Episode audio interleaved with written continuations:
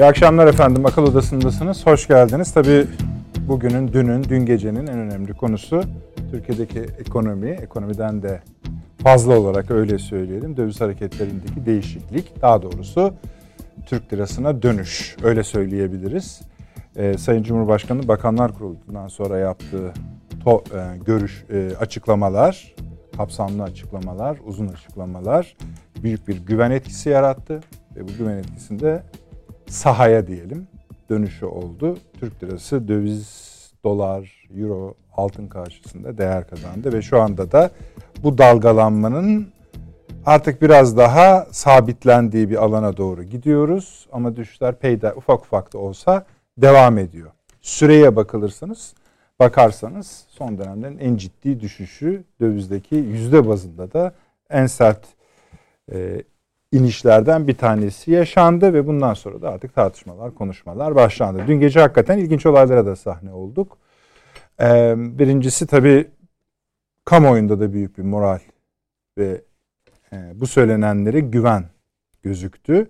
Bir de tabii bu düşüşten üzülenlere rastladık. Çıktılar er, ekranlara yani gizli saklı ya da sosyal medya üzerinden de değil baya baya ulusal kanalların televizyon ekranlarından bizlere bunlar geçici işlerdir boş verin siz bunları dolar almaya devam edine kadar varan bu mealde. Üstelik yine içlerinde devletin en üst düzey bürokrat bu alandaki ekonomi alanındaki en üst düzey bürokratların da bulunduğu bir kesit. E, lafın dolarla dövizle lirayla ya da muhalif olabilirsiniz. Erdoğan'la bir ilgisi olmadığını anlamayacak kadar yani işin ucunun Türkiye'ye dokunduğunu anlamayacak kadar gözleri dönmüş bir şekilde bu tür açıklamalar yapmaya devam ettiler. Yine de biz kendi konularımızda kanalım.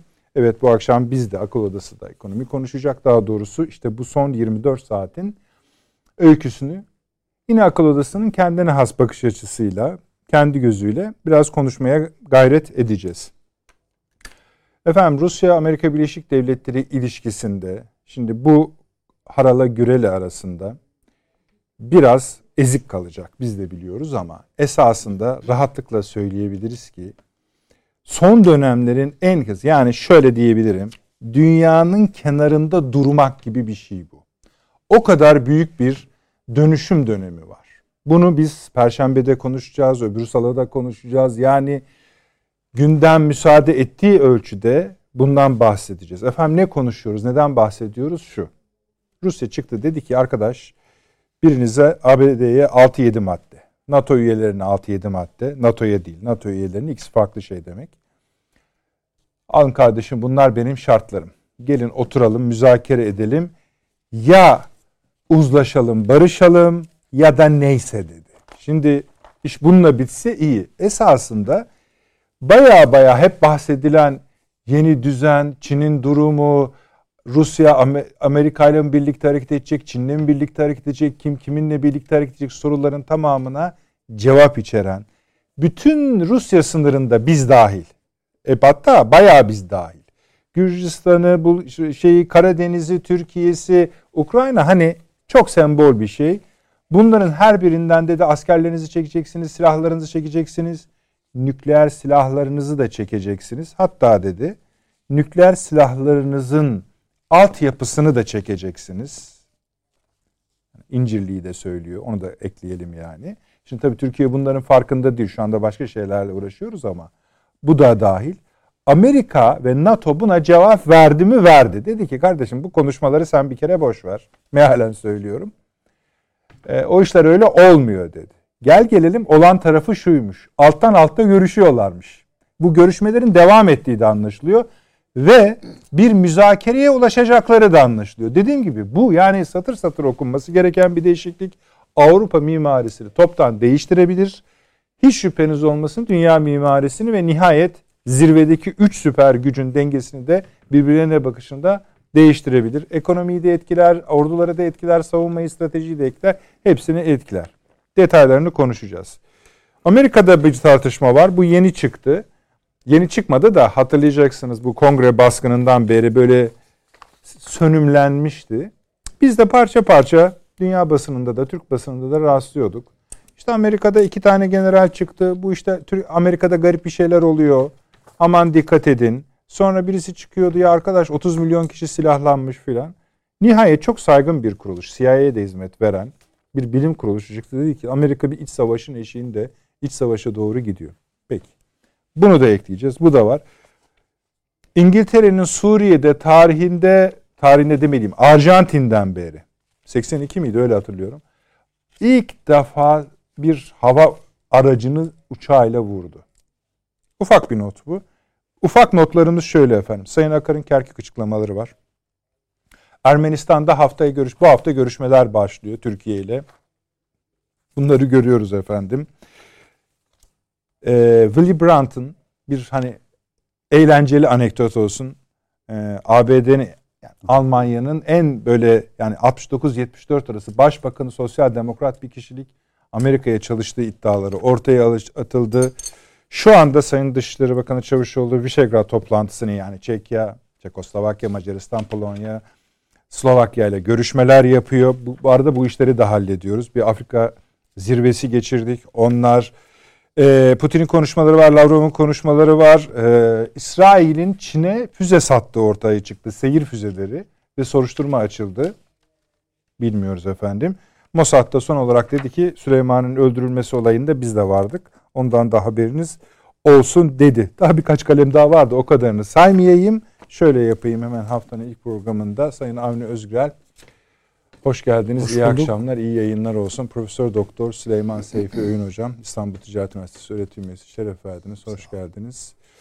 Doçent Doktor ve Emekli Tuğgenel Sayın Fahri Erenel, İstinye Üniversitesi öğretim üyesi ve ee, sevgili Erkan Öz, Sayın Erkan Öz. Artık nasıl diyeyim hani ekonomi stratejisi tamam hepsi güzel iyi ama daha çok akıl akıl odasının hani bakışına en yakın ekonomistlerden, stratejistlerden birisi öyle söyleyeyim. Sevgili Erkan hoş geldin. Hoş bulduk.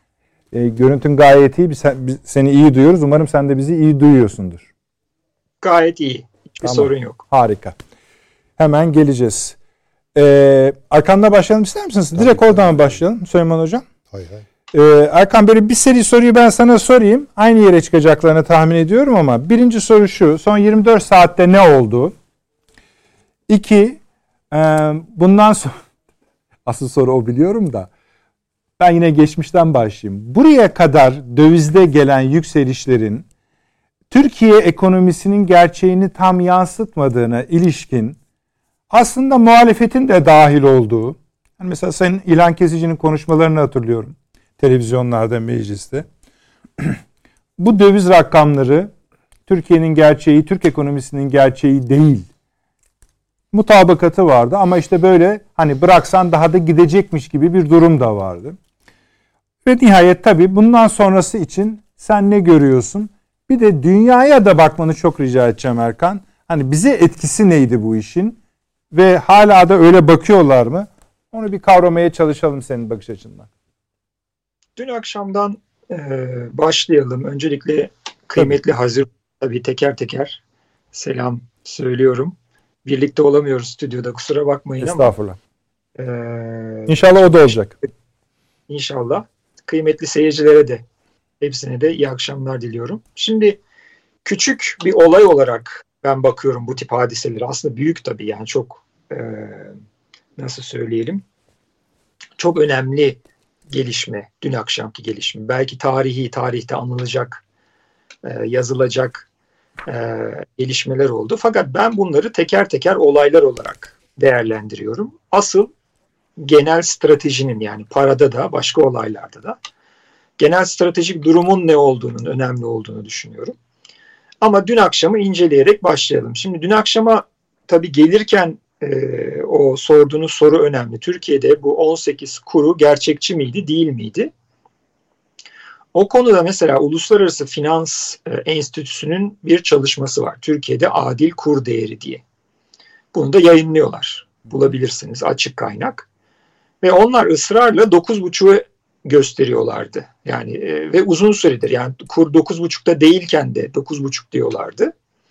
9.5'u e, yükseldi ve onu geçti. Geçtikten sonra da o tahminlerini değiştirmediler ve yurt dışında işte böyle 10-12 olduktan sonra da e, yurt dışından kendilerine gelen tepkilere rağmen e, bu değişikliği yapmadılar. 9.5'ta sabit bıraktılar yine. Fakat İlginç. neden 18 oldu ve neden dün akşamki olaylar oldu? Şimdi e, ekonominin gerçekleri yani ekonominin yapısal gerçekleri ya da üretim bazı ya da işte cari açığıyla açıklanabilecek bir şey değildi bu. Fakat ekonomide hepimiz artık biliyoruz. yani ekonomi gazetecisi ya da ekonomist olmaya gerek kalmadı artık. Türkiye'de yaşayan herkesin mecburen bayağı ekonomi bilmesi gerekiyor. Ee, biliyoruz ki güven de ekonomide çok önemli bir unsur. Burada sıkıntılar oldu. Neden oldu? Şimdi şuna ben katılamam. Yani Türkiye'ye dışarıdan hiçbir baskı yoktu efendim. Bu da e, durduk yere işte güven kaybından gerçekleşen bir durum oldu. Hayır, bütün olaylar hepimiz biliyoruz. E, işte 2016'daki bu darbe teşebbüsüyle başladı aslında. Açık açık en üst düzeyden ifade edildi. Türkiye'deki yönetimin istenmediği e, Amerika Birleşik Devletleri tarafından. E, dünyada siz Amerika Birleşik Devletleri ile tersseniz size yatırım gelmesi, bulunan yatırımın sizde olması pek mümkün değil.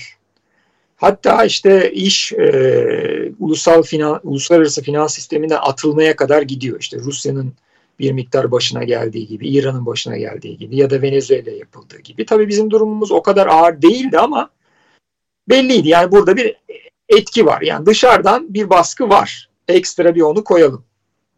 Fakat bu baskıya karşılık ne yapılacağı konusunda Türkiye'de çok kısa sürede çok radikal birbirinden çok farklı politikalarda radikal geçişler oldu. Yani önce rezerv satarak doları kontrol edelim düşüncesi uygulanmaya çalışıldı. Sonra faiz arttırarak doları kontrol edelim düşüncesi uygulanmaya çalışıldı ve bunlar çok kısa sürede birbirinden değişti böyle ve değişirken de e, çok böyle sağlıklı gitmedi o süreçler. Yani mesela işte birisini atamışsınız o faiz arttırıyor hop ondan sonra başkasını getirdiniz gibi oldu. Bunlar e, etkiyi arttırdı ve tabii burada bir üçüncü faktör var spekülasyon. Bu yurt içinde de yurt dışında da spekülatör dediğimiz piyasa oyuncuları var ve bunların elleri de son derece kuvvetli yerine göre. Çünkü e, sonuçta merkez bankaları sınırsız bir biçimde para basıyorlar. Büyük merkez bankaları özellikle başta ve bunlar bu kaynaklar direkt bu spekülatörlerin eline geçiyor. Yani sıfır maliyetli istediğiniz gibi istediğiniz ülkenin para birimine veya istediğiniz şirkete karşı adeta spekülatif operasyon yapabileceğiniz şekilde elinizde kaynaklar var. Şimdi bu kadar e, bir ortam varken Türkiye'de de tabii liraya karşı da çok ciddi e, spekülasyonlar yapılıyordu 2016'dan beri. Son dönemde artık spekülasyona da ihtiyaç kalmamıştı. Çünkü yurt içindeki spekülatörler ve işte e, piyasa oyuncuları o kadar korkmuş bir hale gelmişti ki artık e, doların asla düşmeyeceğini düşünecek bir noktaya getirilmişlerdi. Ve bu 18 seviyesi hakikaten çok önemliydi. Yani dün akşam bu 18 seviyesindeyken bir şeyler yapılmasaydı hakikaten Türkiye'nin e, durumu çok kötü bir yere gidiyordu. E, çünkü eğer e, döviz kurunda bir sabitlik, bir istikrar olmazsa piyasa fiyat yapamaz. Fiyat yapamayınca ticaret durur, ticaret durunca üretim durur, her şey durur. E, bu açıdan 18 seviyesinin e, çok da aşılmadan en azından bir şeyler yapılmış olması e, son derece önemli. Bunu çok önemli görüyorum hakikaten. Bundan sonra da şu olması Türkiye için ve bütün herkes için yani bugün siyasi mülahazalarla bu işe çok sevinmek ya da buna üzülmek, üzüldüğünü böyle açıkça ifade edip işte daha fazla dolar alınmalıdır falan gibi ifadeler hakikaten dediğiniz gibi çok saçma. Ee, burada istikrar önemli. Yani yarın TL'nin e, işte şu anda olduğu 11-12 seviyesinden 6 seviyesine düşmesi de öyle çok iyi bir şey değil. Çünkü e, batırıyor insanları bu bir yandan. Yani nasıl 9'dan 18'e çıkması bir anda insanları batırıyorsa, işletmeleri, oyuncuları batırıyorsa bu kadar kısa sürede bu kadar büyük düşmesi de batırır. O yüzden e, şu anda çok önemli bir psikolojik avantaj elde edildi. Bunun dövizde istikrar sağlanması için kullanılması gerekiyor. Ve şu, şu anda Türkiye çok kıymetli bir zaman kazandı bakın. Eğer biz e, istikrarlı bir kurla ve biraz tabii yukarıda oldu artık kur. E, buralarda bu Uluslararası Finans Enstitüsü'nün söylediği 9-10 bile Türkiye için aslında yukarıda bir kur. Yüksek bir kur. Yani kur avantajıyla bu e, üretimi önceleyen işte üretimi yurt içine kaydırma e, konusunu önceleyen plan üzerinde gidebilirsek ve döviz kurunu da bir yandan istikrarlı tutabilirsek bu psikolojik avantajla hakikaten çok önemli bir manevrayı başarmış oluruz. Aksi takdirde savrulmalar ne yazık ki devam edecektir. Çünkü çok fazla baskı var Türkiye'nin üzerinde. Yani yurt dışından özellikle dediğimiz gibi o e, stratejik e, ve spekülatörlerin her an tekrar devreye girip e, bozabilecekleri o dengeler var. Şu anda yakalanmış olan psikolojik üstünlüğün zayi edilmeden istikrar için e, ve özellikle işte o yüksek kurla üretimi tekrar Türkiye'ye getirmek için kullanılması gerekiyor. E, benim arkadaşlarım şimdi izliyorlarsa e, bazıları en azından izliyordur. Hatırlayacaklardır. 2013'te, 2012'de falan e, konuşurken ben onlara kurun 4-5 olmasının çok sağlıklı olacağını söylüyordum. Onlar da beni ne diyorsun sen falan diye e, adeta e, kovalıyorlardı. Ama demek istediğim buydu. Yani bugün uygulanan şeydi. Yani Türkiye'de kurun bir miktar yüksek olması gerekir ki e, üretim Türkiye'ye dönsün. Yani bunu şimdi biz ne diyoruz? İhracat odaklı, yurt dışına yüksek teknoloji satan bir ülke olmamız lazım. İşte eğitim reformuyla, işte hukuk reformuyla falan buna ulaşmamız lazım. E buna ulaşan ülkelerin ne yaptığına bakıyoruz. Güney Kore, Japonya vesaire. Hatta bu e, televizyonlarda örnek olarak da veriliyor. Bir Japon e, işte bir dolar eşittir yüz bilmem kaç Japon yeni. Tabii ki bunu zamanda yüksek kurla yaptılar. E, ama tabii kur şoklarıyla değil. Yukarı ya da aşağı. Bunu belirli bir e, periyot içerisinde yavaş yavaş e, zayıflatarak e, bu dönemlere gelmiş ülkeler bunlar. Ha bana sorarsanız aslında işin şimdi genel stratejik tarafına gelirsek e, Çin'in, Kore'nin, Japonya'nın uyguladıkları bu modeller de artık belirli yere kadar çalışabilecek modeller. Asıl stratejik konumlanma yapmak gerekiyor. Demin bu program açılışında söylediğiniz bu Rusya, Çin ve Amerika arasındaki ilişkiler ve onun da arkasında neden bütün bu müttefiklikler değişiyor? Ne oluyor dünyada? Her her taş yerinden oynuyor. Amerika'da Trump diye bir deli adam başa geçebiliyor. Ne oluyor? Yani işte İngiltere Avrupa Birliği'nden ayrılıyor falan filan. Bunların hepsinin arkasında e, değerli seyirciler, kıymetli Hazirun, şu ana akım var.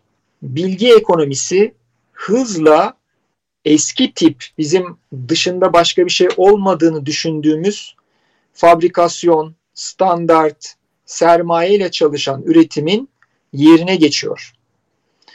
Bunu çok teknik ayrıntıya boğmak istemiyorum. Çok basit izleyicilerimizin de anlayabileceği şekliyle anlatmak gerekirse dikkat edin sevgili izleyiciler.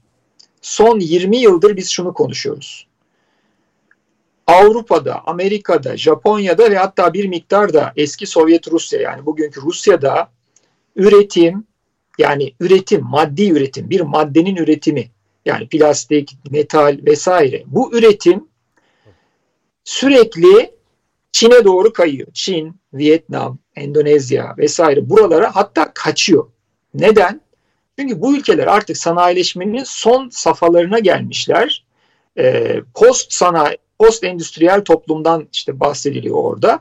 Oradaki iş gücünü artık sizin böyle günde 12-16 saat çalıştırıp işte e, biraz e, çorba ekmek verip işte bir küçücük ev, bir e, minik e, dört tekerlekli araç hatta motosiklet vererek mutlu etmeniz, bunlardan verim almanız mümkün değil gelmiş gelmiş olduğumuz sosyolojik e, seviyede bu ülkelerde.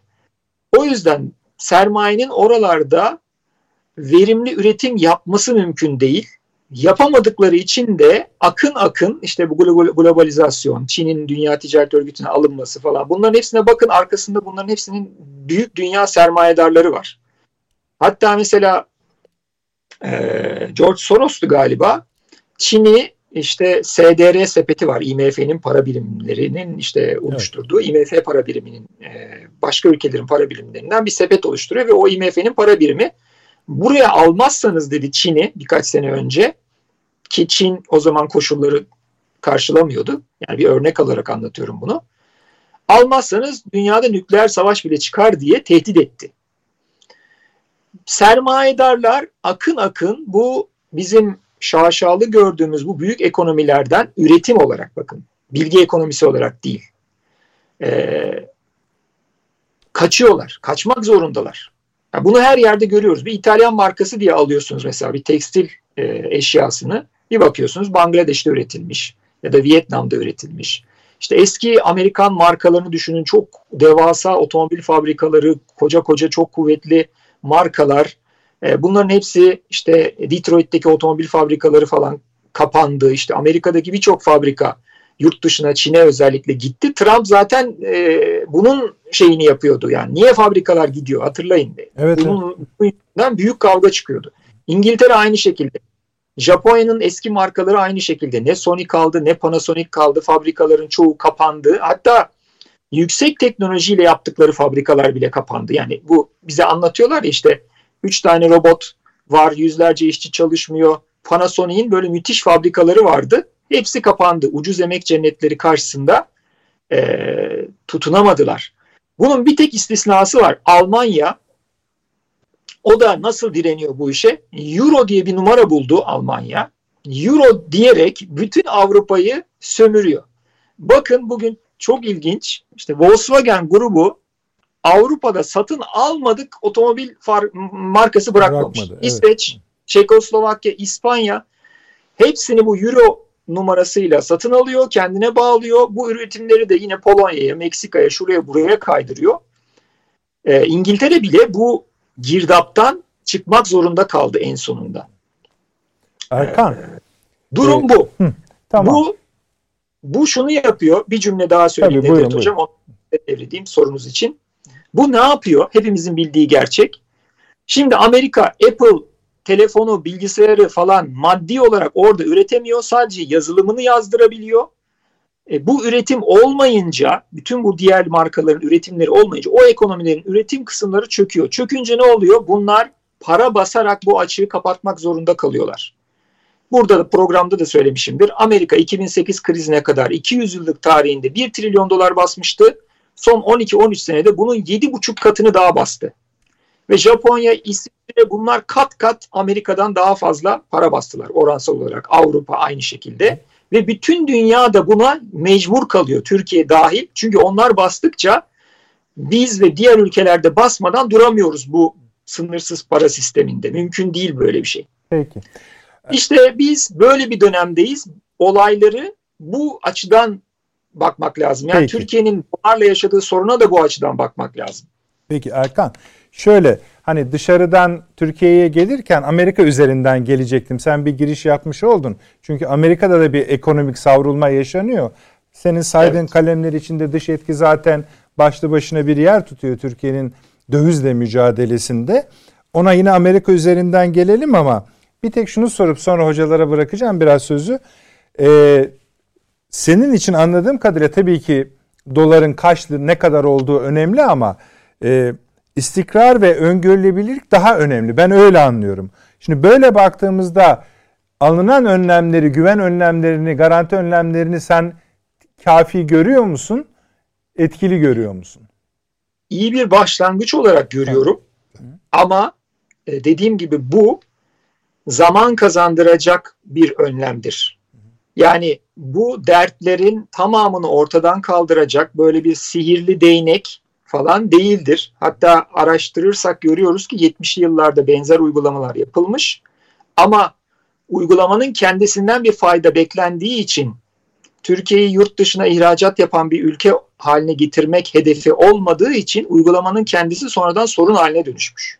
Şimdi burada o, onu demek istiyorum. Çok önemli bir zaman kazanıldı bu zamanın e, üretim ve ihracatla işte cari fazla vererek devam ettirilmesi yani e, bu bu bu şekilde kullanılması bu, bu bunun devam etmesi gerekiyor. Peki. Ee, Amerika bölümüne tekrar geleceğiz ama Avni abi Süleyman hocam paşam şeyler söylemek ister misiniz? Buyurunuz. Hangimize? Ee, şimdi fevkalade güzel bir giriş oldu. Yani konuyu toparlayan zaten tabloda aşağı yukarı böyle. Türkiye öyle bir şey ki e, bakın genelde Sayın Cumhurbaşkanı akşam saat 7, 7.30'da 8'de falan konuşur. Yani bir takım konuşmalarını yapar. Şöyle bir algı ortaya çıkarıldı. Ne zaman konuşmaya başlasa döviz artıyor diye. Hatırlarsanız değil mi? Başladı bakın yine konuş artıyor diye. Hakikaten de Cumhurbaşkanı konuşmaya başlıyor. Taksimetre gibi alttan dolar şeylerini fiyatlamalarını görüyorsunuz. Artıyor. Ve böyle insanlarda böyle bir şey kanaat oluşmaya başladı. Tayyip Bey konuşacak. Eyvah dolar yine artıyor. Artacak falan gibi. Evet, bunun konuşmaları yapıldı evet. Evet, bu bunlar biliyorsunuz. Tabii. Bu bu ve o saatte esasında borsa kapalı. Sadece Türkiye borsası değil. Yurt dışında da öyle. Bazı yani açık galiba. bazıları hariç yani özellikle Türk lirası üzerinden yapılan, yapılan işlem son derece sınırlı. Bu bu meselenin ne kadar dışarıdan kontrolla veya yönlendirmeye açık olduğunu bana göre gösteriyor. Ee, bakıldığında mesela bir borsanın yani nasıl Amerika'da o kara pazartesi denilen bir hadise var değil mi? Borsa sadece dolar değil ki borsa da çöküyor. Pazartesi günü efendim borsa yüzde ona yakın değer kaybetti bir anda. Türkiye'nin bütün de, şeyleri değerli e, işletmeleri bir anda eridi. Kum gibi avucumuzdan aktı gittiler. Bu şeyler ve o yüzden borsa iki gün üst üste e, işlemleri kapatmak durumunda kaldı.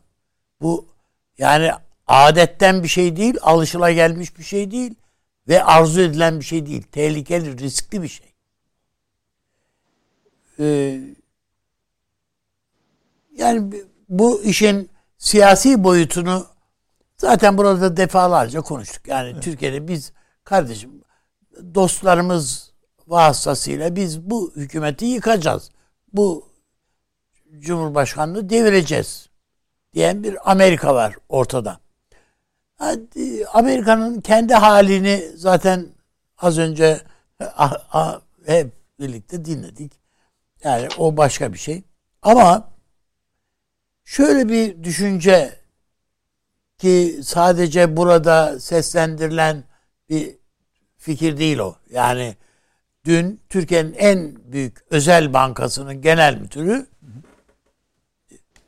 dedi ki 90 gün bir zaman kazandık. Yani 3 aylık bir zaman kazandık. Bu zamanı, bu zaman kredisini iyi kullanmamız lazım dedi.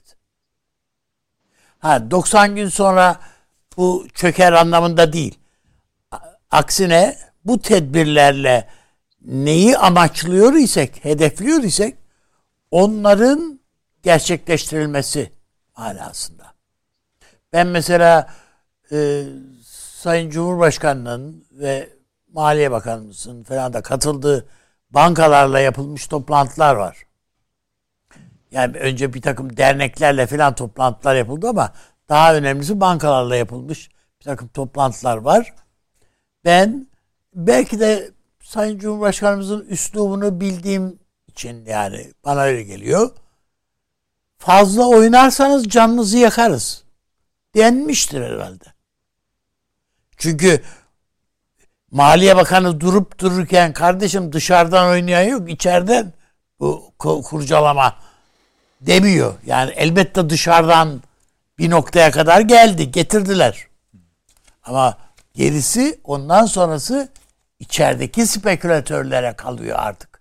Onlar Hatta işte Erkan da söyledi. İkisine de kalmadı. Yani, artık hani yani e, Nurettin Nebati Bey evet, o demeci de biliyorsunuz hiç canım bu söylenecek şey mi filan. Yani hı hı. hani dışarıdandı bunlar falan diye söyledi. Değil o noktadan itibaren çünkü içeride oynayanlar var. İçeride kim oynayacak bunu? Yani elinde büyük para bile olsa yine bankalar üzerinden oynayacak. Onun için ben e, son derece kararlı bir müdahale Peki. şey o bir saatlik bir konuşma biliyorsunuz Cumhurbaşkanımızın bir bir bir bir saati geçen uzun bir, bir konuşma. uzun bir konuşması var.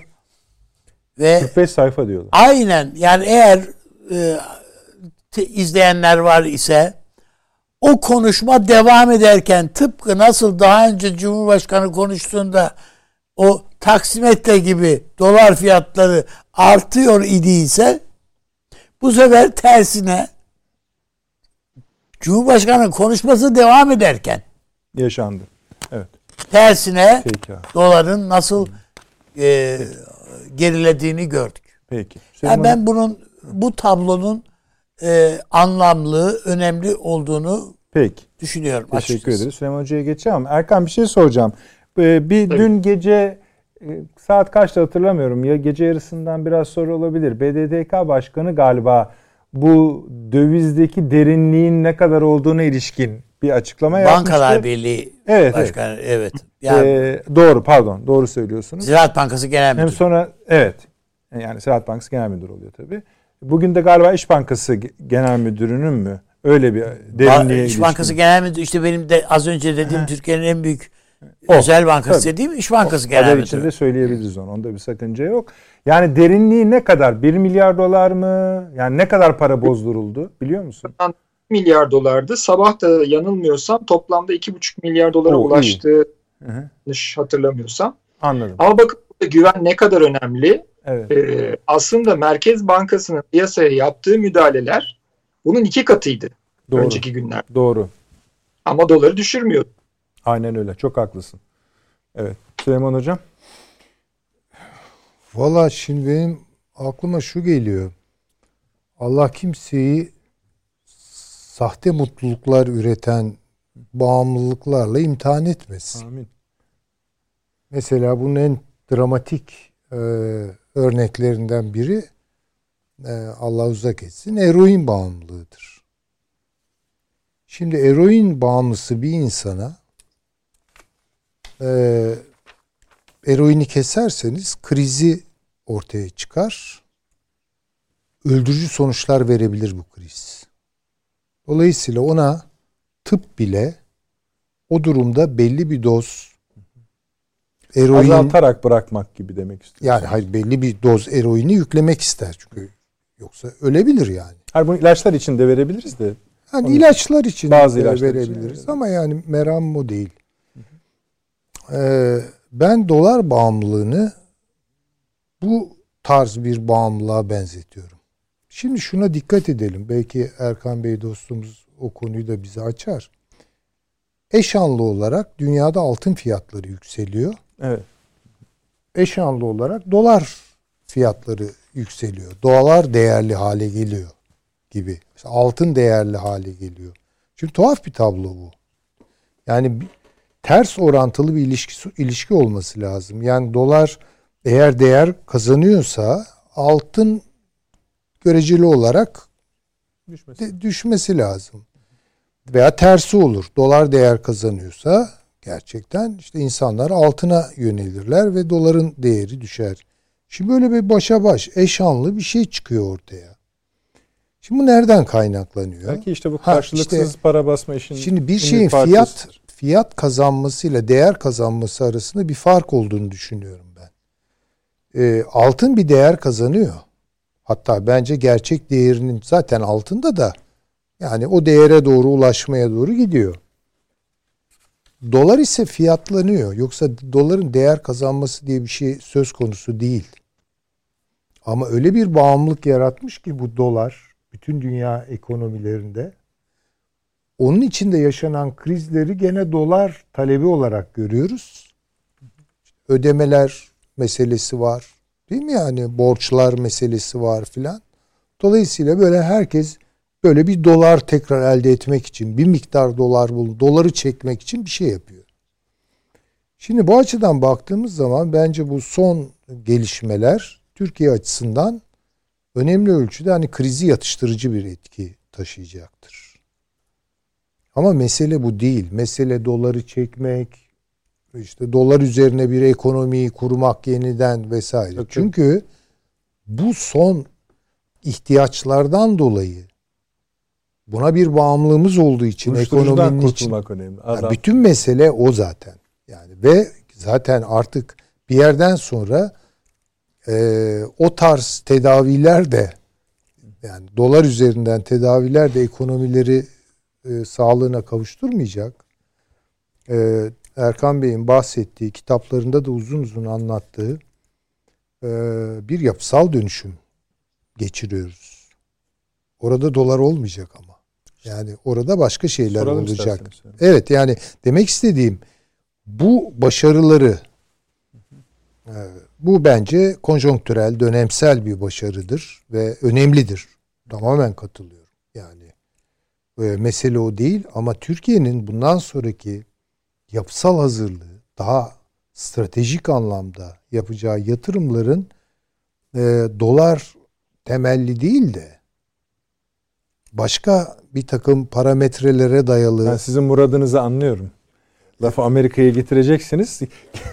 Amerika işte zaten Tabii bunu canım. yaşıyor yani Amerika yani hani Amerika, dil altındaki bakla büyük yani. Elbette Çin için de geçerli. Gayet tabii işte söyledi Erkan. Çin kapanıyor. Peki. Bu Soralım ne demek yani? Eyvallah. Değil mi? Evet. Peki. Sevgili Erkan bir altın döviz dedi Süleyman Hoca ama tabii asıl konu bu dola, dolarizasyon meselesinden. Eyvallah dünkü harika bir şeydi ve insanların yüzlerindeki mutluluğu gördüm ben gerçekten dün akşam. Evet köpüğünü aldık. Bıraksak ipin ucu kaçacaktı. Söyledin. Hatta başta ben hatırlıyorum. Avni Bey de hatırlayacaktı. Kendi de söylemişti bizim programımızda. Hani müdahale etmeyecekti esasında işin başında. Bunu da açık açık söylediler. Gazetelere yansıdı. Ama iş o noktaya geldi ki hani öyle değil. Sen dolarizasyondan da başlayabilirsin Erkan'cığım buyur. Ben size çok anlaşılır olacağını düşündüğüm bir örnek vereyim. Dünkü hadise. Bunu son zamanlarda çok kullanıyorum kendi YouTube yayınlarımda da. Önemli olan savaşta, stratejide e, Fahri e, Paşa'mız, komutanım çok daha iyi söyleyecektir bunu aslında ama onu o varken bana söylemek düşmez evet, aslında ama söyleyeyim. Muharebe kazanmaya odaklanmak savaşta doğru bir şey değildir. Biz dün akşam Kutul Amare Zaferi gibi bir şey yaşadık. Yani Az değil. Kutul Amare Zaferi gibi bir şey kazanıldı. Ama Birinci Dünya Savaşı'nda biz Almanya'nın yanında savaşa girdiğimiz için baştan mağlubiyete mahkumduk. Yani Kutul Amare'yi kazansak da sonuçta e, olay e, mağlubiyete dönecekti. E, bunu da Gazi Mustafa Kemal Atatürk o zamanki yöneticilere baştan söylüyor. Bakın diyor Almanya diyor iki cephede savaşırız diyor. Almanya ile bir araya gelmeyelim diyor. Ama dinlenmiyor. Şimdi bu, bu aynen buna benziyor dün akşamki durumda. Çok güzel evet ama demin anlattığım o global değişim stratejisinde biz neredeyiz? Bu yeni ekonomi tarafında olmamız lazım. Yani bilgi ekonomisi tarafında. Orada bir şeyler yapmamız lazım. Yani blockchain'de, yapay zekada, bugün mesela ben hep takdirle bahsediyorum sosyal medyada. Bu savunma sanayi alanında yapılan şeyler. Çünkü bunlar hem yazılım tarafında bizi çok geliştiriyor hem üretim tarafında çok geliştiriyor. İnanılmaz işler yapılıyor orada. Bunların devam etmesi lazım. Özellikle bu blockchain konusuna çok önem verilmesi lazım. Bizim ülkemizde maalesef bu konu bir çeşit dolandırıcılık, bir çeşit bahis gibi algılanıyor. O e, e kripto varlıklar denilen şeylerin arkasındaki teknolojilere hiç bakılmıyor. Onların sadece böyle roket gibi fırlamaları ya da düşmeleri üzerine tartışmalar yapılıyor. Neden o varlıklar öyle artıyor? Dünyada ne problemi çözüyorlar da bu kadar kıymet buluyorlar? Konularına hiç bakılmıyor. Bugün ben size söyleyeyim merkez bankaları yakında göreceksiniz. Ben bunu işte herhalde bir buçuk sene önce falan sosyal medyada yazmaya başladım. Bir merkez bankası sonunda gidip Bitcoin'i alıp kasasına koyacak diye e, beklemediğimiz bir yerde küçük bir ülkede oldu. El Salvador'da oldu ama bu devam edecektir. Bir merkez bankası daha yavaş yavaş büyüklere doğru gelecektir. Çünkü demin Süleyman hocamın söylediği gibi bu altın dolar nasıl birbirine karşıtsa bu bağımsız bağlantısız blockchain projeleriyle üretilmiş olan dijital varlıklar da tabii hepsi değil birçoğunun içinde bir sürü numaralar var. Çok uzmanı olmak gerekiyor o ayrı bir şey. Ama Bitcoin için mesela bunu söyleyebiliriz. Altın gibidir ve bunun dijital versiyonu gibidir. Ve dünya buraya gidecek. Şimdi Türkiye'nin de işte bir kendi dijital parası projesi var mesela. Bu önemli. Dijital blockchain altın para projesi var. Bu çok bilinmiyor. Biga diye bir proje. Ee, mesela İstanbul Takas Bank'ta yani bu borsamızın güvenli saklama yerinde altın saklanıyor ve o bir gram altın Biga onun kısaltması zaten. Her bir gram altına karşılık bir blockchain kaydı oluşturuyor. Yani bu altına dayalı dijital para demektir. Ya bunlar çok iyi hareketler evet. Türkiye açısından. Merkez Bankası rezervinin dolardan çıkartılıp altına konulması çok olumlu bir hareket. Bunların genişletilerek devam edilmesi lazım diye ben düşünüyorum. Peki. Ee, ben e, Öncelikle e, gerçekten çok aydınlatıcı bilgiler verdiniz. Çok teşekkür ediyorum Erkan Bey. E, ben şunu sormak istiyorum. E, bankada e, özellikle hesabı olanlar e, ortalama Türkiye'de e, mevduata tasarruf hesabı olanların ne kadarını e, acaba oluşturuyor? Yani bu e, genel anlamda e, Türkiye'nin e, bütünlüğü kapsayacak şekilde bir etki gösterebilir mi e, rakamsal boyutta? Şimdi tabii zaten Erkan'cığım saatler... bir saniye rica edeyim. Tabii. Özür dilerim. Ee, Sayın Cumhurbaşkanı iki, görü, iki görüşme yapmış efendim biraz Hı. önce. Bir tanesi Almanya'nın başbakanıyla Olaf Scholz'la. Öbürü de Venezuela lideriyle Maduro'yla. Onları bir duyuralım. Belki bunlarla da ilgili de olabilir. Erkan'cığım sendeyiz. Devam et lütfen. Ee, mesela Cumhurbaşkanımız e, Venezuela ile görüşmede Venezuela dış ticarette Bitcoin kullanacağını açıklamıştı mesela. Oralar onları da mutlaka konuşuyorlardır ben evet, eminim yani. Evet. Ee, Fahri Paşa'mın e, sorusuna gelecek olursak elim ya aklımda o veri yok ama şun, şundan anlayabiliriz e, bu konunun etkili olabileceği konusunu. Yani ilk saatte yapılan açıklamaların e, yarattığı kuvvetli etkiden e, bunun bir temeli olduğunu görüyoruz. Ama önemli vurgulamak istiyorum. Süleyman Hoca'nın da demin söylediği gibi bu zaman kazandırıcı bir hamledir. Yani bize e, savaşın genelini kazandıracak bir şey değildir. Eminim bunu uygulayanlar da bunun farkındadır. Yani bunun bir sihirli değnek olmadı. Bu kazanılan zamanın iyi değerlendirilmesi gerektiğini aslında çok iyi biliyorlardır ve ona göre de inşallah gelişmeler olursa çok daha iyi sonuçlar alınır. Peki. E, dolarizasyona pek girmedin ama. Efendim onu Do- dolarizasyon konusuna.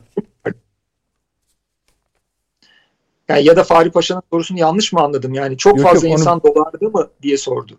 Yok yok, hayır. Yok. Ben ayrıca soruyorum sana. Süleyman Hoca bir gönderme yaptı ya. Hani ha, asıl onu... mesele Hı. Tabii tabii tabii tabii. Şimdi orada şöyle bir durum var. Çok pardon evet o kısmı unutmuşum. Şimdi orada şöyle bir mesele var. Yani e, dünya Süleyman Hoca'nın söylediği gibi adeta eroin bağımlısı durumunda şu anda. Hem de, hem de en üst düzeyde. yani Goldman Sachs dün bir rapor yayınlamış. Diyor ki bu dünyanın en büyük işte bu işleri çeviren spekülatör bankalarından bir tanesi. Ve kendisi adeta itiraf etmiş. Diyor ki son bir yılda çünkü bu şeyle pandemiyle beraber bu para basılma hızı inanılmaz bir şekilde arttı. Yani bizim aslında haberlerde bunları duymamız gerekiyor. Hiç bunları duymuyoruz. Yani bu Amerika nasıl 200 yılda bastığının 7,5 katını 13 yılda bastı ya. Bu 7,5 katın 3 katını 3 ayda bastı. Bu 2020'de. İnanılmaz bir şey bu. Şimdi Goldman Sachs diyor ki son bir yılda bu 3 trilyondan 1 trilyon dolar borsalara girmiş. E ne yapalım? Zor. Son 19 yılda giren toplam rakamdan daha fazlaymış bu. Ya öyle bir şimdi eroin bağımlılığının en üst noktasındayız. Yani doktor bizden eroin yavaş yavaş keseceğine E, bu merkez bankalarına hani ümit bağlıyorlar ya işte şey e, Powell işte şöyle konuştu. Yellen çok aman aman ne kadar iyi bir kadın falan diye. İnanın ne yaptıklarını kesinlikle bilmiyorlar. Bilmiyorlar. Ee, ve dünyayı adeta bir felakete doğru götürüyorlar. Yani şimdi e, bu borsa kısmı e, bütün o basılan paralar e, Amerika'da banka hesaplarında özellikle de zengin insanların hesaplarında birikmiş durumda. Onlar da bunu spekülasyon için her yerde kullanıyorlar. Özellikle de borsalarda. Bu arada realitede ne oluyor? Şimdi uyuşturucu bir yandan vücudu tahrip eder. Zombi şirket diye bir şey var. Zombi şirket ne demek? Kazandığı para borcunun bırakın tamamını faizini bile ödeyemeyen şirket demek. Şimdi çok ünlü isimler hiç bilmediği, e, fa- hay- hayal etmeyeceğimiz isimler bu şeyde. E, bu çerçevede ve zaman zaman işte şeye göre e, kriterlere göre bu tanıma girip çıkıyorlar. İşte Amerika'nın e, meşhur işte araba markalarından Ford, işte Netflix, Tesla vesaire. Çok önemli marka. İnanılmaz. Böyle e, son dönemde havayolu şirketleri falan da girmeye başladı. Markalardan daha da önemlisi hem Amerika'da hem de dünyada ortalama her 5 şirketten biri veya 4 şirketten biri e, tanımlamalara göre değişiyor bu e, biraz. Zombi şirket durumunda. Bu para basılması yüzünden sürekli çünkü para basılmak demek bu günümüz sisteminde borç oluşturulma. Sürekli borç oluşturuluyor. Sürekli o şirketlerin aslında içi boşalıyor. Ve işte böyle bir kasırga şeklinde e, ve hatta işte benim ikinci kitabım 2014'te yazdığım büyük finansal tufan şeklinde bu dünyayı e, daha da fazla önümüzdeki dönemlerde etkisi altına alacak. Türkiye'de yaşadığımız e, sorunun e, bir kısmı da bu. Şimdi Türkiye'de bu son e, kur oynamalarından önce bakmıştım. Benzin fiyatı son bir yılda e, %55 artmış. Amerika'da da %58 artmış. Bizde işte resmi enflasyon %20, gerçek muhtemelen %40-60 hissedileni pazarda. Amerika'da da %6.8 diyorlar. Hissedileni %15'ten 20'ye doğru gidiyor. Bu da Amerika için inanılmaz bir enflasyon oranı. Tabii. Hatta Bloomberg haberler yapmaya başladı. Arjantin'e gidiyorlar. Arjantin'de çok yüksek enflasyon olduğu için. Yüksek enflasyonda ne yapmak lazım diye Amerikan vatandaşlarına haberler yapmaya başladılar. Yani bu bu demin dedik ya stratejik duruş çok önemli. Evet. Biz Türkiye olarak öncelikle bu eroinden çıkmamız lazım. Yani bu dolar bazlı sistemden altın, gümüş, bitcoin ve e, altındaki o tanıma uyan e, doğru blockchain projeleri bunlara geçmemiz lazım. Bu şart. Ayrıca da ekonomik modelimizi bu bilgi ekonomisine göre şu anda da bununla ilgili çalışmalar var. Bunları hızlandırarak e, mutlaka adapte etmemiz Peki. lazım. Çünkü gelen şey tarihte görülmemiş bir şey. Nedir bu gelen şey? Dünya tarihinde ilk defa global hiperenflasyon yaşamaya doğru gidiyoruz. Bunu sadece ben söylemiyorum. Daha geçen hafta dünyanın en büyük hedge fonunun kurucusu Ray Dalio kendisi söyledi. Ondan önce de Twitter'ın CEO'su tweet atarak bunu söylemişti. Hiperenflasyon geliyor diye.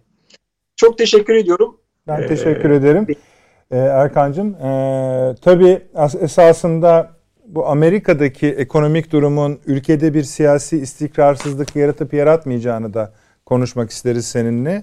Bir başka vesileyle inşallah öyle söyleyelim. Çünkü oradan gelen şeyler onlar da bir seçime gidiyorlar. Bir ara seçim. Hem ülkenin ekonomisine ilişkin, makroekonomik ekonomisine ilişkin kötü haberler geliyor. Bir de içeride çok fazla kıpırdanma var. Bilmiyorum sen ne kadar takip ediyorsun. Bu akşam biraz değinmeye çalışacağız ona. Ee, tamamsa Erkan'a teşekkür edelim. Biz de reklama gidelim. Kendi konularımıza Evet. dönelim.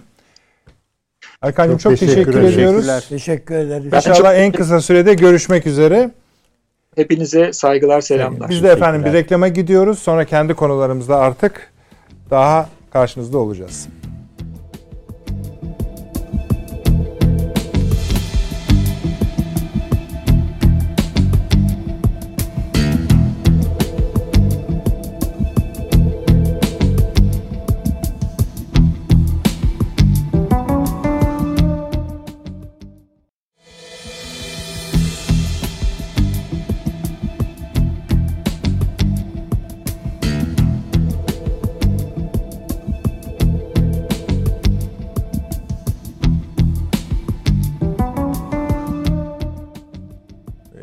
Döndük efendim. Akıl Odası devam ediyor. Kendi konularıyla. Kendi konuları dememize de bakmayın esasında. Bu konuların hepsi bir biliyorsunuz. Özellikle Türkiye'nin dünya ile ilişkisinde para olmazsa olmaz. Öyle bir şey yok.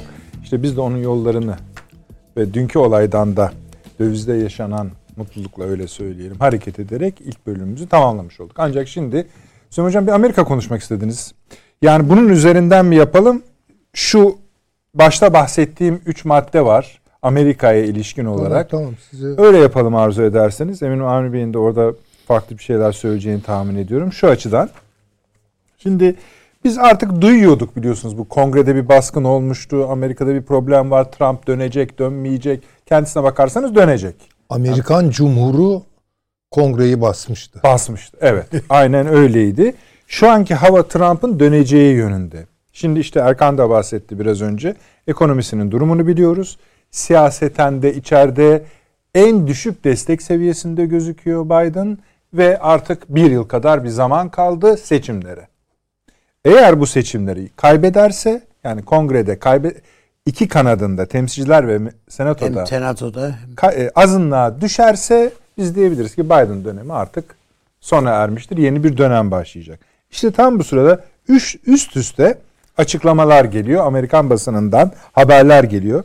Bunlardan birisi en eski onu söyleyeyim. Burada böyle bir satırla geçmiştik. 30 milyon silahlı adamın ortaya çıkmasından bahsettiler. Sonra 3 general çıktı. Washington Post bayağı büyükten verdi. Dedi ki bu iş iyi gitmiyor. Bir iç savaş hatta ayaklanma ihtimali var. Buna orduyu da dahil ettiler. Nihayet dün de yine büyük gazetelerde CIA için çalışan önemli bir eee think tank demeyelim de artık bayağı bir şirket bu. Dünyadaki ülkelerin iç siyasi istikrarsızlığını ölçümleyen, Türkiye'ye de bakıyor falan. Son araştırmasını da kendi ülkesi için yapmış. Burada da diyor ki pek iyi durmuyor tablo iç istikrar açısından. Bir şey, iç çatışma beklenebilir diyor. Bonjour. Bon, bonjour ama nereye varacak? Bu konuşmaları yapıyoruz.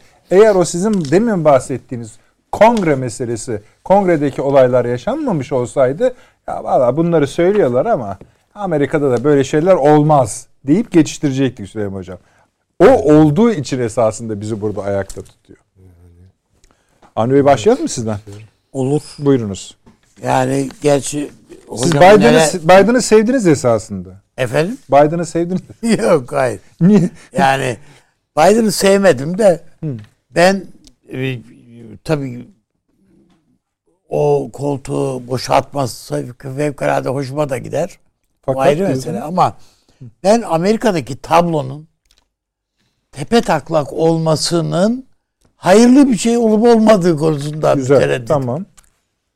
Yani evet bu ülke yani Amerika'da darbe olur mu sorusu bana komik bir şeymiş gibi gelirdi diyelim 3-5 sene önce. Ama Arkadaşlar o görüntüleri Şimdi- hatırlatalım izleyicilerimize. Bulalım onu yani. O, şimdi basbaya ha, olur mu? Olabilir yani basbaya. Ama olabiliyordu hatta işte bu kongre baskını işin e, şey tarafı yani şöyle bir e, fragman tarafı girizgahı ama işin içerisinde bir takım askerler var, komutanlar var. Başkaca işte bu silahlı insanlar 30 bine yakın insanın silahlanacağı Milyon falan söyleniyor falan. Yani bütün bunlar o demokrasinin kutbu gibi gösterilen ülkenin aslında pamuk ipliğiyle bir takım birçok şeyinin pamuk ipliğiyle bağlı olduğunu ortaya çıkarıyor. Ve biz hepsi de birbirine bağlantılı yani bu dolarizasyon da tabii Doğru, doğru. bunu bunu besleyen bir şey. Eğer ayakta duruyorsa yani payandalarından bir tanesi dolar. Sistem onunla ayakta duruyor. Ama bu dahi tutmaya yetmeyebilir. Bir noktaya gelir. O yetmeyebilir. Burada ben e, açıkçası pandemi mesele sadece hastalık işte mikrop şu bu filan işte virüs aşı şu falan o diye görmüyorum pandemi sürecini. Bu pandemi süreci evet fakir fukara ülkeleri mahvetti. Ölümler, insan kayıpları filan bunlar son derece arttı ama e, büyük güçleri yani Amerika dahil, Almanya dahil yerle bir etme tehlikesiyle ihtimali yüz yüze bıraktı. Bunun en şiddetli hissedenlerden bir tanesi Amerika. Bir tabir var. Hepimiz biliyoruz değil mi? Amerikan rüyası. O Amerikan rüyası şu anda kabusa dönmüş vaziyette. Yani o büyük daha önceden burada e, başka bir vesileyle konuşmuştuk. Efendim o gökdelenlerin hepsi bomboş şu anda. Şirketler falan artık evlerinde çalışıyor herkes. Üretim yurt dışında yapılıyor. Gelmiyor çoğu insan. Açıktan para almaya da Amerikan halkı alıştı. Yani herkese bir 2500 dolar dağıttılar. Sonra bir daha bir dağıttılar. Devamlı dağıtılabiliyor. E basın daha verin diyor adam zaten yani. Şimdi az önce Süleyman Hocam dedi ya yani bu eroin bağımlılığı gibi. Evet öyle. Yani sürekli istiyor insanlarda bunu. Ee, ben önümüzdeki dönemin esas büyük değişime dünya hazırlanıyor. Yani bunların hepsi sancı dönemleri. Doğum sancıları gibi. Ee, ortaya tabii bir e, ucube de çıkabilir. çıkabilir. Yani illa bir e, sağlıklı bir bebek doğacak diye bir kural yok yani. Basbaya bir e, efendim canavar yavrusu doğabilir yani ortaya. E, onu bile on, ondan yana endişe endişeliyim de ben yani baktığımda.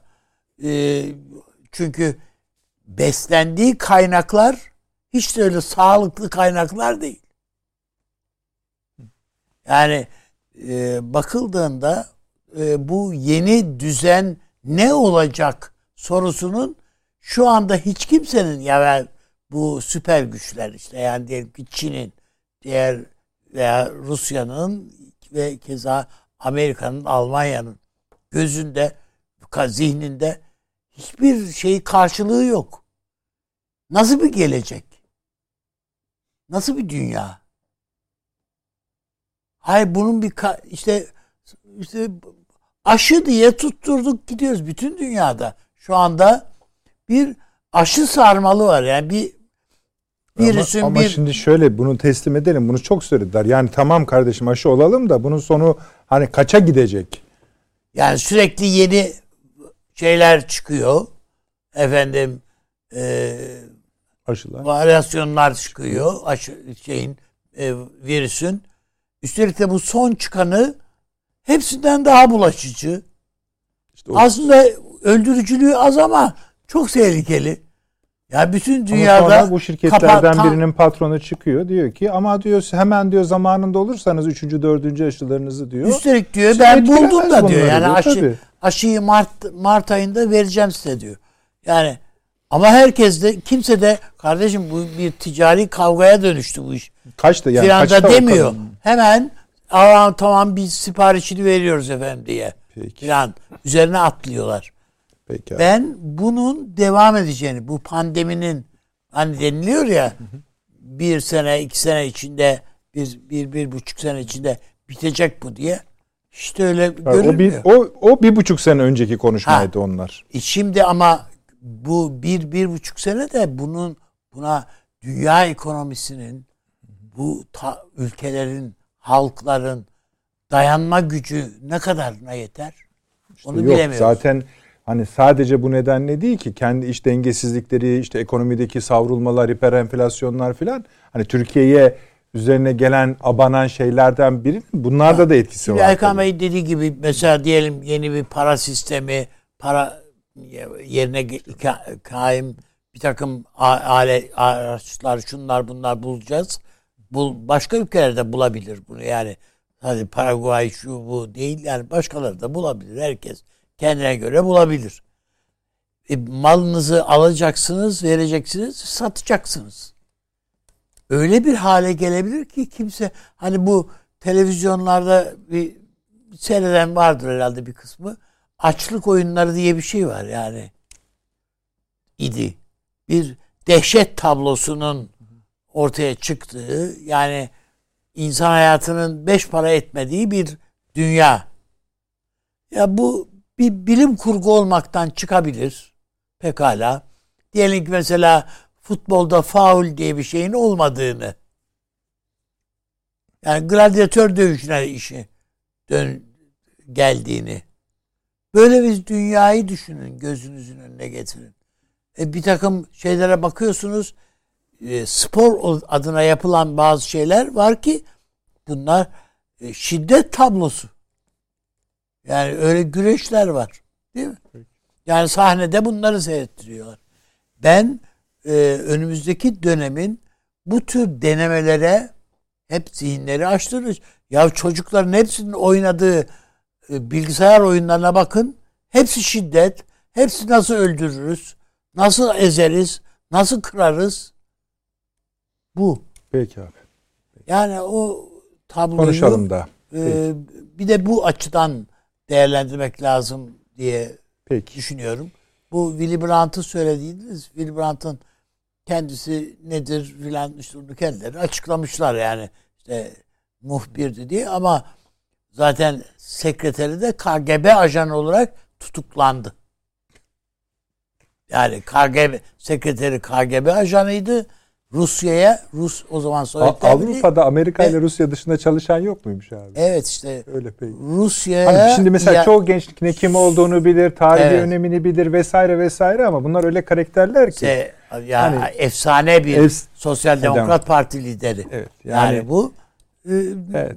Adamın İşte sekreterini bilmeden olmuyor, bilmek KGB gerekiyor. istedi geri gön yani casus iadesi anlaşmasına tabi olarak geri gitti Peki. adam. Süleyman Hocam, Amerika Amerika diyorsunuz. Şey, Avni Bey'in ilk notunu unutmayın ama hani gemi batarsa bir de va- yani vakumu var. Yok ben o kanaatte değilim. Mu Yani yok, gemi mi batmıyor? geminin batmasına Amerikan bandıralı geminin batmasına şey Ayrıca demeyi da- karışmayız diyorsunuz. ayrıca da çok hayırlı bir gelişim olarak bak, baktığımı söyleyeyim. Çok özür dilerim. İzleyicilerimizden birkaç kişi yazmıştı. Onu bir söyleyelim. Bu nerenin araştırmasıdır diye. Efendim Profesör Doktor hani bahsettiğimiz bu istikrarsızlık meselesi var ya. Barbara F. Walter, Kaliforniya Üniversitesi öğretim üyesi, siyasi istikrarsızlık görev gücünün üyesi aynı zamanda. Bu böyle yazdıkları zaman böyle ufak bir şey gibi zannetmeyin. Bunlar büyük kuruluşlar. Buyurunuz. Yani bir kere Amerika'nın batması Amerikalının da hayrınadır. Onu da söyleyeyim yani. Peki. Çünkü Amerika demek Amerikalılar demek değil. Eyvallah. Bu herhangi bir insani ıskalamayla bunu söylemiyorum ben. Anladım. Sistemik olarak söylüyorum. Şimdi bu e, biliyorsunuz bizim Türkçe'de ulus milletin öz Türkçesi gibi e, benimsenmiştir. Ya eskiden millet deniyordu şimdi ulus diyoruz falan gibi. Halbuki ulus kavramıyla millet kavramının arasında çok ciddi bir farklılık var. Hı. Semantik olarak. Millet dediğiniz zaman tarihe referans yaparsınız. Bir inanca referans yaparsınız. Ama ulus dediğiniz zaman bence bu referansların gerekliliği ortadan kalkar. Çünkü gerçekten bu nation yani e, Batı literatüründe işte ulus kavramı iç kurgusuna baktığımız zaman bize bir şey söylüyor. Aslında bu bir şirket, kolektif bir şirket. Ve payandaları tamamen ekonomi politik. Şimdi ekonomi politiğin imkanlarının besleyici, sulayıcı, yeşertici, destekleyici ne derseniz diye diyebilirsiniz. E, arttırılabilir ve sürdürülebilir olduğu durumlarda uluslar ayakta kalır. Şimdi şöyle düşün bir şirket kuralım diyelim ki biz burada dört kişi ortak irademiz var.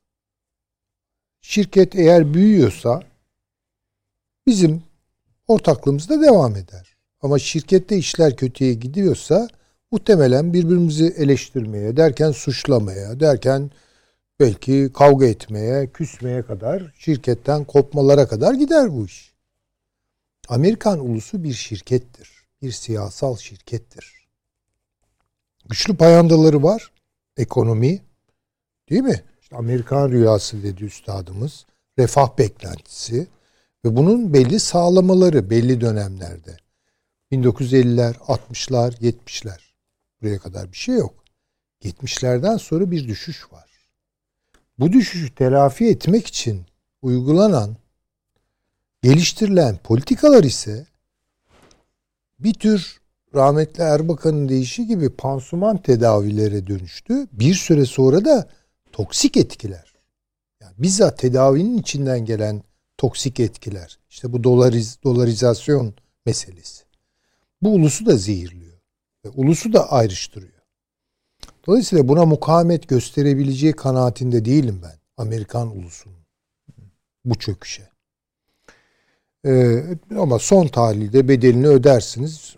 Bir şekilde düzlüğe çıkarsınız. Yani Amerikan ulusunu oluşturan Amerikalıların selameti açısından belki atlatılması gereken bir sınavdır bu.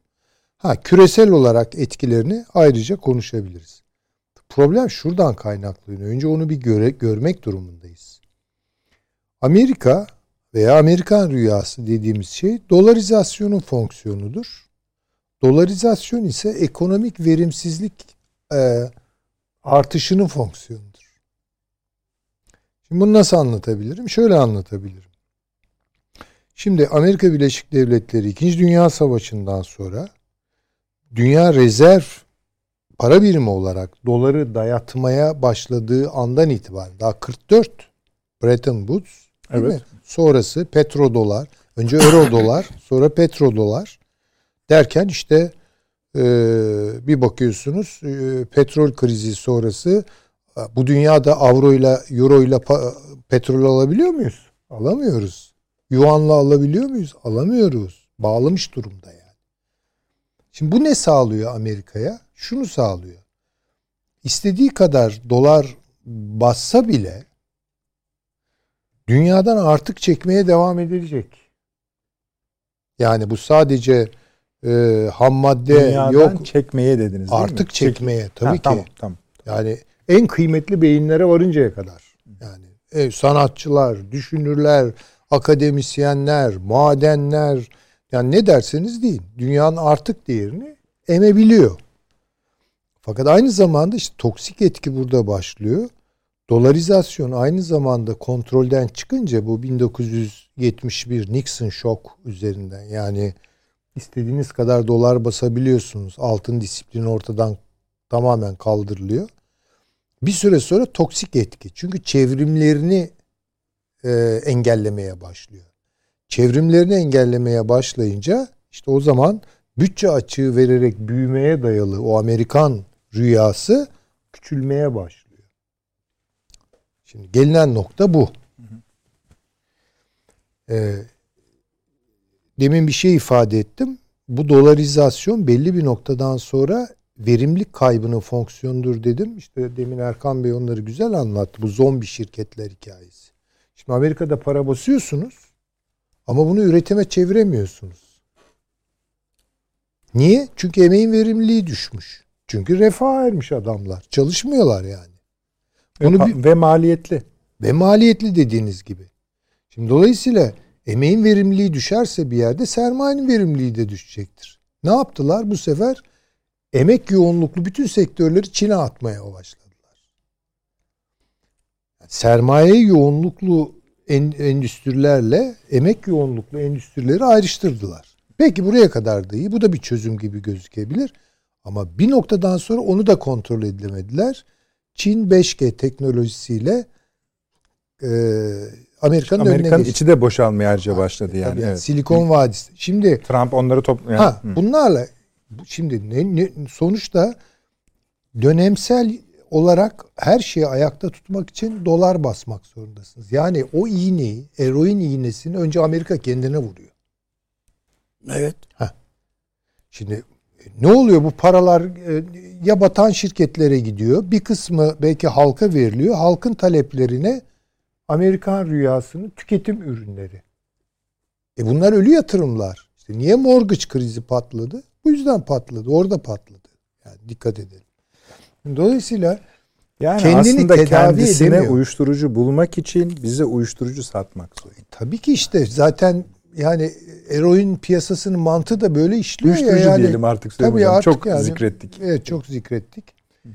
Şimdi dolayısıyla biz de bundan nasibini, herkes bundan nasibini alıyor. Yani Çin büyüyor bilmem ne ama bütün fiyatlamalar hala dolar üzerinden şu bu. Yani dolarizasyon tamam kesmeyeyim ben. buyurun. Estağfurullah. Şimdi bakınız Amerika eğer siyaseten tercihlerini Biden ve Trump'tan ibaret görüyorsa zaten baştan kaybetmiştir. Kapatalım dükkanı başka yere Tabii gidelim. ki. Çünkü yani hadi şimdi diyelim ki Trump gitti. Şey pardon Biden Biden. gitti. Trump geldi. Ne yapacak Trump? Dolara oynayacak. Yani Trump'ın bütün davası doları yeniden nasıl güçlendirebilirim davası. Halbuki buna imkan yok. Ne yapacak? O giden şirketleri enselerinden tutup zorla Amerika'ya mı getirecek? O yüksek vergi oranlarıyla, o yüksek iş gücü maliyetleriyle hangi ekonomiyi Amerika'da ayağa kaldıracak? Yani Süleyman Hocam, Dolayısıyla çözümsüz bir nesnel süreç işliyor ve bunun önünü alamıyorlar. Yani işte o eroin meselesi gene. Basacaklar bu paraları yeniden. Ama bir de şöyle bir şey var. Yani biz biraz da şöyle. Bize bu anlamda doları uyuşturucuyu sağlayanın kendisinin ölmesini bekliyor gibi oluyoruz. Mesele bu değil. Mesela dolarizasyon için işlevsel bir şey şu ana kadar tam bulunamadı. Bu da gerçek. Bulunsa da büyük oyuncular bunun üzerine çok abanamıyorlar. Alternatif olarak mı? Alternatif var. Mesela esasında hani o söylendi ama bir tür swap da iş görebilir. Ayrı konu onlara girmeyelim. Sınırlı bir şey. Yo sınırsız esasında da swap çünkü bizde tam birinci anlamıyla konuşulan bir şey. Ee, o ayrı bir konu. Başka kalem açarız onu ama asıl şu. Büyük oyuncular bunu istiyorlar mı? İstiyorlar. Rusya istiyor mu? Çin istiyor mu? Türkiye istiyor mu? İstiyor. Ama şimdi zaten bakınız son Çin-Rusya yakınlaşmasında esas vurucu madde şuydu. Yani biz Hindistan'la yapılan anlaşmada, Anlaşmada da öyle. o şey var ya hocam yani ye- yerel, Yerel para. parayı Ha, kullanma. Şimdi tabii bakınız bunlar dolar imparatorluğunun nasıl bunlara şey olarak bakın. Hani eroin tedavisinde Hocam eroin demeyin artık. e, şey e, Uyuşturucu değil. detoks detoks tedavileri. Ya bunlar evet. o toksikten arınmak istiyorlar. Şimdi tabii bu eğilimler artıyor dünyada.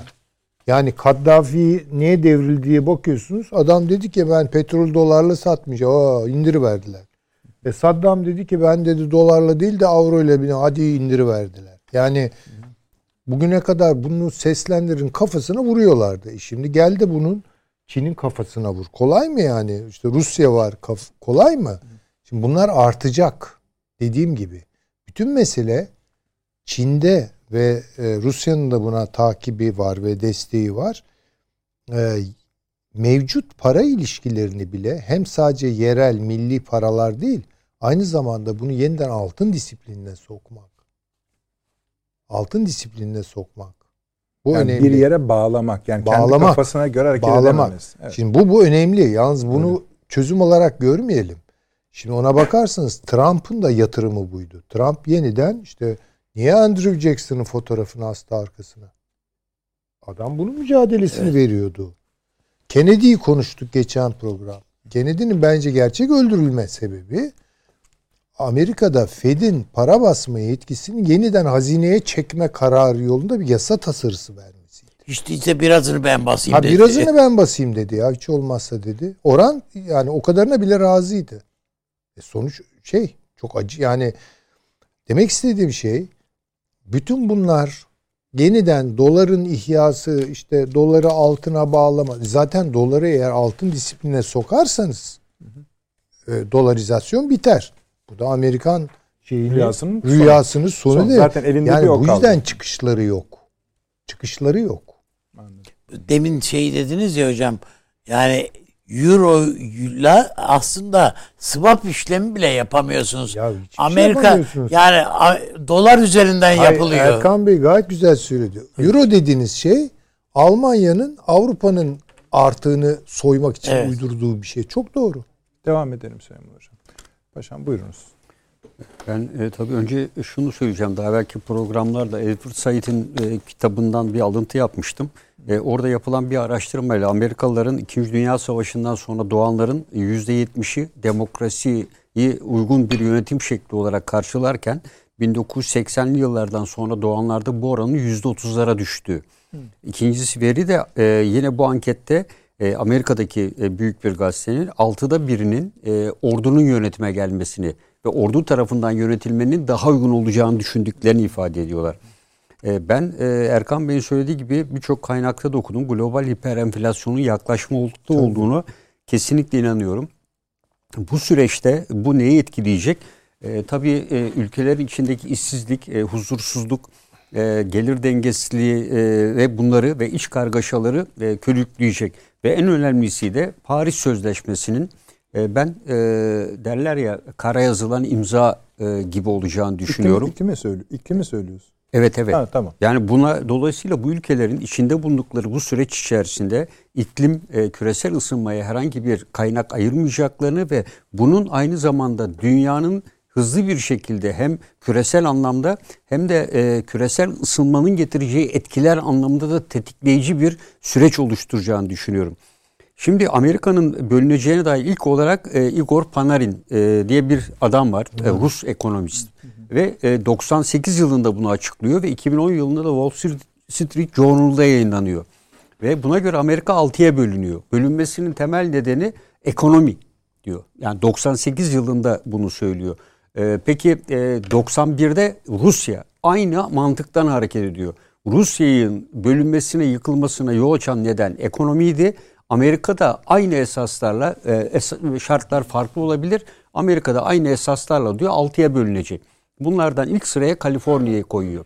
Bunu teyit eden başka açıklamalar da var. Niye Kaliforniya konuyor? Şu anda 2.8 veya 3 milyar dolarla dünyada sıralamaya baktığınızda bağımsız bir ülke olursa 5. sırada yer alıyor Kaliforniya. Kaliforniya'nın e, birçok açıdan bağımsızlık e, ilanı için birçok çabalar var. Bunlar 2018 yılında bir çaba olarak önce ortaya konuyor. E, yeni Kaliforniya diye ayrı bir devlet yapılanmasına gidilmeye çalışılıyor. Bu engelleniyor bir şekilde. Arkasından tekrar Kaliforniya ile ilgili bu sefer üçe bölmek. Kaliforniya, Kuzey Kaliforniya, Güney Kaliforniya diye ve en son seçimlerde de oy pusulasına 400 bin yakın oyla da oy pusulasına yazılması kabul görüyor. Dolayısıyla ayrılacak e, ilk şey e, Kaliforniya e, olacak gibi yapılan değerlendirmelerde. Çünkü Kaliforniya'nın e, işte Hollywood olsun, e, diğer Silikon Vadisi gibi bütün Amerika Birleşik Devletleri'nin e, ekonomisinin e, ana çarklarını oluşturan yapılar bu bölgede. Kaliforniya nereye doğru yakın? Bir de ilginç olan Atlantik Çin'e yakın, Pasifik tarafında ve buraya yakın olması da hatta e, Rus ekonomist şunu söylüyor. Kaliforniya bağımsız bir devlet olursa ya Çin etkisi altına girecek ya da Çin'in o tarihlerde Şimdi izleyicilerimiz hani mesafeyi uzak zannetmesinler. tabii Bu kültür devrimiyle gelen ve 68 kuşağına dönüşen öykü aslında bu bahsettiğiniz Evet. bölgedeki işte neredeyse kuru temizlemecilerdeki çalışan Çinler eliyle başlamış Evet. bir şey. Evet. Öyle gelişmiş bir şey. Tabii birbirlerine karşı Ad- taraftalar. adalardan da tabii. gelerek. Amerika'nın zaten en hassas e, tarafı olarak geliyor. Yani Pasifik'te e, ge- gelişmeler içinde baktığınızda e, tabii Kaliforniya'nın hemen kuzeyine doğru çıktığınızda Alaska e, bölgesi var. Yani bunu biliyorsun Putin e, burayı bizden zorla aldınız geri verin vesaire gibi ifadeler bulunuyor. Alaska'nın tabii buzulların erimesiyle burada daha değerli bir toprak haline geliyor ama E, Igor her ne kadar burası Rusya'ya bağlanacak dese de ondan sonra gelenler Alaska'nın Amerika tarafından asla bırakılmayacağını yeraltı kaynakları ve petrol nedeniyle söylüyor. Ve esasında ileriki bir savaşın e, Alaska odaklı çıkabileceğini de ifade ediyor. E, yani bir e, şeyde e, Arktik bölgesinde ikincisi de Alaska bölgesinde. Yani Alaska'nın bugüne kadar yeraltı zenginliği hiçbir zaman tartışılmadı. Net bir şekilde ortaya koyan bir takım veriler var. Fakat Alaska'nın kritikliği şöyle. Alaska Bering Boğazı yani eğer Kuzey Buz Denizi şu anda eriyor. Ee, Arktik Okyanusu ismini aldı ve kriyapolitik yani boz politikası kapsamında Çin gemileri bu bölgeden geçmeye başladığı anda Alaska'nın stratejik önemi katlanarak artacak. Yani aynen e, şu anda Cibuti'nin karşısındaki o İran körfezinden çıkan hani Cibuti'ye herkes üst kuruyor ya e, Bering Boğazı'nın her iki yakası da Rusya ve Amerika Birleşik Devletleri tarafından ciddi bir şekilde Çin'in füzelerle veya diğer seyir füzeleriyle e, Çin gemilerinin, ticaret gemilerinin nasıl şu anda Malakka Boğazı'ndan geçmesine engel olmaya çalışıyorsa aynı e, doğrultuyu Alaska üzerinden yapmaya çalışacaklardı. Yani Amerika'da Ah, e, Alaska'yı satmayacaklardı paşam. şey, evet Ruslar sat Ruslar satmayacaktı. Kanada Yani da öyle galiba değil mi? Yok Ha, Yok. değil o. Ee, Kanada'da öyle bir şey yok ama Alaska'yı Pardon Grönland. Grönland. Grönland. Orayı da satmışlar. O Evet, Grönland. evet, Evet. yani o, o zaman paraya ihtiyacı olmuş herhalde bu kadar ülkeyi Çok da büyük yönetemeyiz. para değil bugünün parası. e, yönetemeyiz demişler. E, burada e, tabii e, diğer bir e, konu da e, burada özellikle hani Çin'e yakın bölge olduğunu söylüyoruz. Ama Kaliforniyalılar arasında bağımsızlığın ilan edilmesi ve ayrılması konusundaki çabalarla birlikte süreç içinde Teksas'ta aynı vaka var. Yani Gayet Teksas e, ayrı bir şey ve bir diğeri de Hawaii. Yani e, Hawaii'nin de e, diyorsunuz. evet yani oranın da e, ayrı bir yapı olması şeklinde ama öncelikle başlayacak olan yer orası Kaliforniya. derse Kaliforniya. Yani bu konuda e, bu e, neyi sağlayacak? Peki paşam unutmayın diyeceğiniz Evet. de. Biz acaba ras yani böyle bir temennide mi bulunuyoruz? Hayır, yoksa hayır. bu rasyonel Yok, yok. bir şey mi? Yani- e, Hayır hayır, bu süreç doğru. Paşam Ha. söylediği de bir de e, bu küresel ısınmadan söz etti Tabii. paşam. Küresel ısınmanın bu gidişatı e, Kuzey Avrupa ülkelerinin bazılarını yok ediyor zaten. Aynen, tabii. Haritadan siliyor. Yani bunlar bunlar ufak ülkeler değil yani Hollanda'dan Tabii, söz Hollanda. ediyoruz. Belçika'dan söz ediyoruz mesela. İngiltere'yi bile tehdit ediyor. Tabii. Ha, İngiltere'yi de tehdit ediyor ama İngiltere, İngiltere'nin e, bir yükseltisi var. İzlanda Evet. e, yani buradaki e, bu boşluk var burada biliyorsunuz. O bölgeyi ciddi etkiliyor.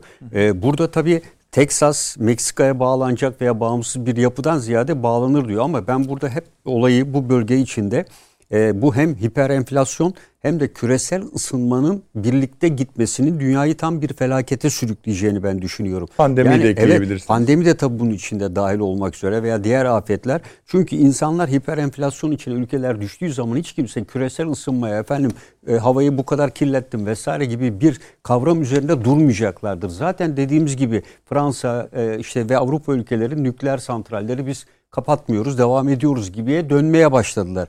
E, ve dolayısıyla hele hele bu ortamda Amerika'da şu anda yüzde altı işte Erkan Bey de söyledi yüzde yirmi hissedilen enflasyonla Almanya'da yine bu yılın büyüme rapor e, rakamlarını Yüzde aşağıya yedi. çektiler. Evet Almanya'da aynı şekilde Fransa'da birçok Avrupa ülkesinde e, bu durum söz konusu. Böyle bir bu sene hatta pandemi nedeniyle dediler ama konuşacak fazla bir şey olmayınca Davos zirvesini bile e, e, ert- şey yaptılar. Paşam siz bu ekonomik krizi pandeminin sonucu olarak görmüyorsunuz değil mi? Hayır. Ekonomik kriz zaten vardı. Vardı, doğru. Pandemi bunun Bunu çok söyledim. tuzu- Tabii, tabii, tabii, Yani tabii, tabii. Bir şey gelişiyordu. Söylüyor da insan. Söylüyor da insanlar. Ya iyi bir şey tabii. gelmiyor. O sırada başladı pandemi. Esasen başlayın paşam. Pandemi bir zemini değiştirdi. Yani hızlandırıcı oldu Katalizör bence. oldu. Bravo. Lojistiği pahalandırdı. Yani bu Ha, gümrükler şöyle bir bilmem şey paşam. olunca yani onun en Doğru. önemli maliyet şeyi olan Asıl bence de hani lojistik. bütün bu Paşam, krize diyorsunuz tedarik ki yani zincirleri. Tedarik en basitinden işte sinemalara birer koltuk boş bırakarak oturun dediğiniz anda sinema tabii, çöküyor. yani- öyle bir şey yok. şöyle de bir hata yaptı. Bence o baştan gelen hiç ekonomik krizin de olmadığı dönemden gelen şey bu tedarik zincirini küreselleşme adına çeşitlendirdiler ve kar maksimizasyonuna baktılar. Yani çeşitlendirme şöyle. Bir bir şey, madde sizde yoktur ham madde ya da tüketici ürünü. Onu bir yerden alırsanız oraya bağımlı hale gelirsiniz. Ben şuradan da alayım değil. Bir kalem alacakken kapağını başka yerden, işte şeyini tutacağını başka yerden, mürekkebini başka yerden alacağız diye inanılmaz bir çeşitlilik yarattılar. Bu kırılganlığı arttırdı. Bu kırılganlığı da kar yüzünden hiçbir zaman şeye gitmediler. Yani Evet. pekiştirelim, güvenliğini sağlayalım demediler. Türkiye gibi ülkeler bundan muaf kaldı. Nispeten muaf kaldı. Bu da bir avantaj üretti. Ama Evet. kendilerini delire yani boşluğa düşüren şeylerden biri de buydu esasında. Buyurunuz paşam. Şimdi diğer bir konu daha var. Yani bu birkaç makalede de yazıyor. Esasında e, bu e, pandemi öncesi başlayan bir süreçti. E, Şimdi dünyada hep biliyoruz Rothschild'ler olsun yani Yahudi sermayesi Amerika Birleşik Devletleri dahil e, dünyanın genelini e, kontrol ediyor. Yahudi sermayesi e, dörde bölünme şeklinde e, sermaye hareketlerinden dörde bölündüğü şeklinde yani yeni güç odaklarına doğru hareketlendiğini gösteriyor. İsrail-Çin ilişkilerinin bu dönem içinde Amerika'ya rağmen bu kadar artmasının ardında da bunun yattığı söyleniyor. Ve ciddi bir şekilde Yahudi sermayesinin Amerika'daki şirketlerden Çin'e doğru bir akış var. E, ve e, sermayesinin Amerika bunun temel nedeninin Amerika Birleşik Devletleri'nin bölünme riski olduğunu, çıkacak huzursuzla iç ayaklanma veya benzeri şeylerle e, sermayelerini kontrolsüz bir şekilde elden kaptırmaktansa dünyada yükselen yeni güçler arasında bunu paylaştırma ve bu yüzden de e, Yahudilerin İngiltere, Londra borsalarında da son yıllardaki e, buraya yaptıkları yatırımlarda da artışlar var. Özellikle İngiltere Avrupa Birliği'nden ayrıldıktan sonra bir artış var. Bir miktarı Avrupa Birliği ülkelerinde taşıyorlar. Yani Amerika, Çin, Avrupa Birliği ve İngiltere arasında paylaştırmış durumdalar. Temel nedeni de Amerika Birleşik Devletleri'nin bu özellikle hiper e, enflasyon veya bu tür iç kargaşayla birlikte ekonomik bozulmanın Amerika'nın çöküşünün adım adım geldiğini hissediyorlar. oranlar belli mi bunda? Yok tam olarak oranlarını yazmamışlar ama büyük bir kısmının Çin'e gittiğini, çıkanın. Yani Çıkanın. çıkanın Çin'e gittiğini. Benim kanaatim İngiltere'ye gidiyor. O, o da zaten e, ne kadar olduğunu söylemiyor ama e, İngiltere de en kuvvetli. Yani şöyle gidiyor. Avrupa Birliği'nin bir kısım ülkeleri diyor ama Almanya vesairedir. En önemli iki şey ok vermiş. Biri Çin, biri İngiltere diyor.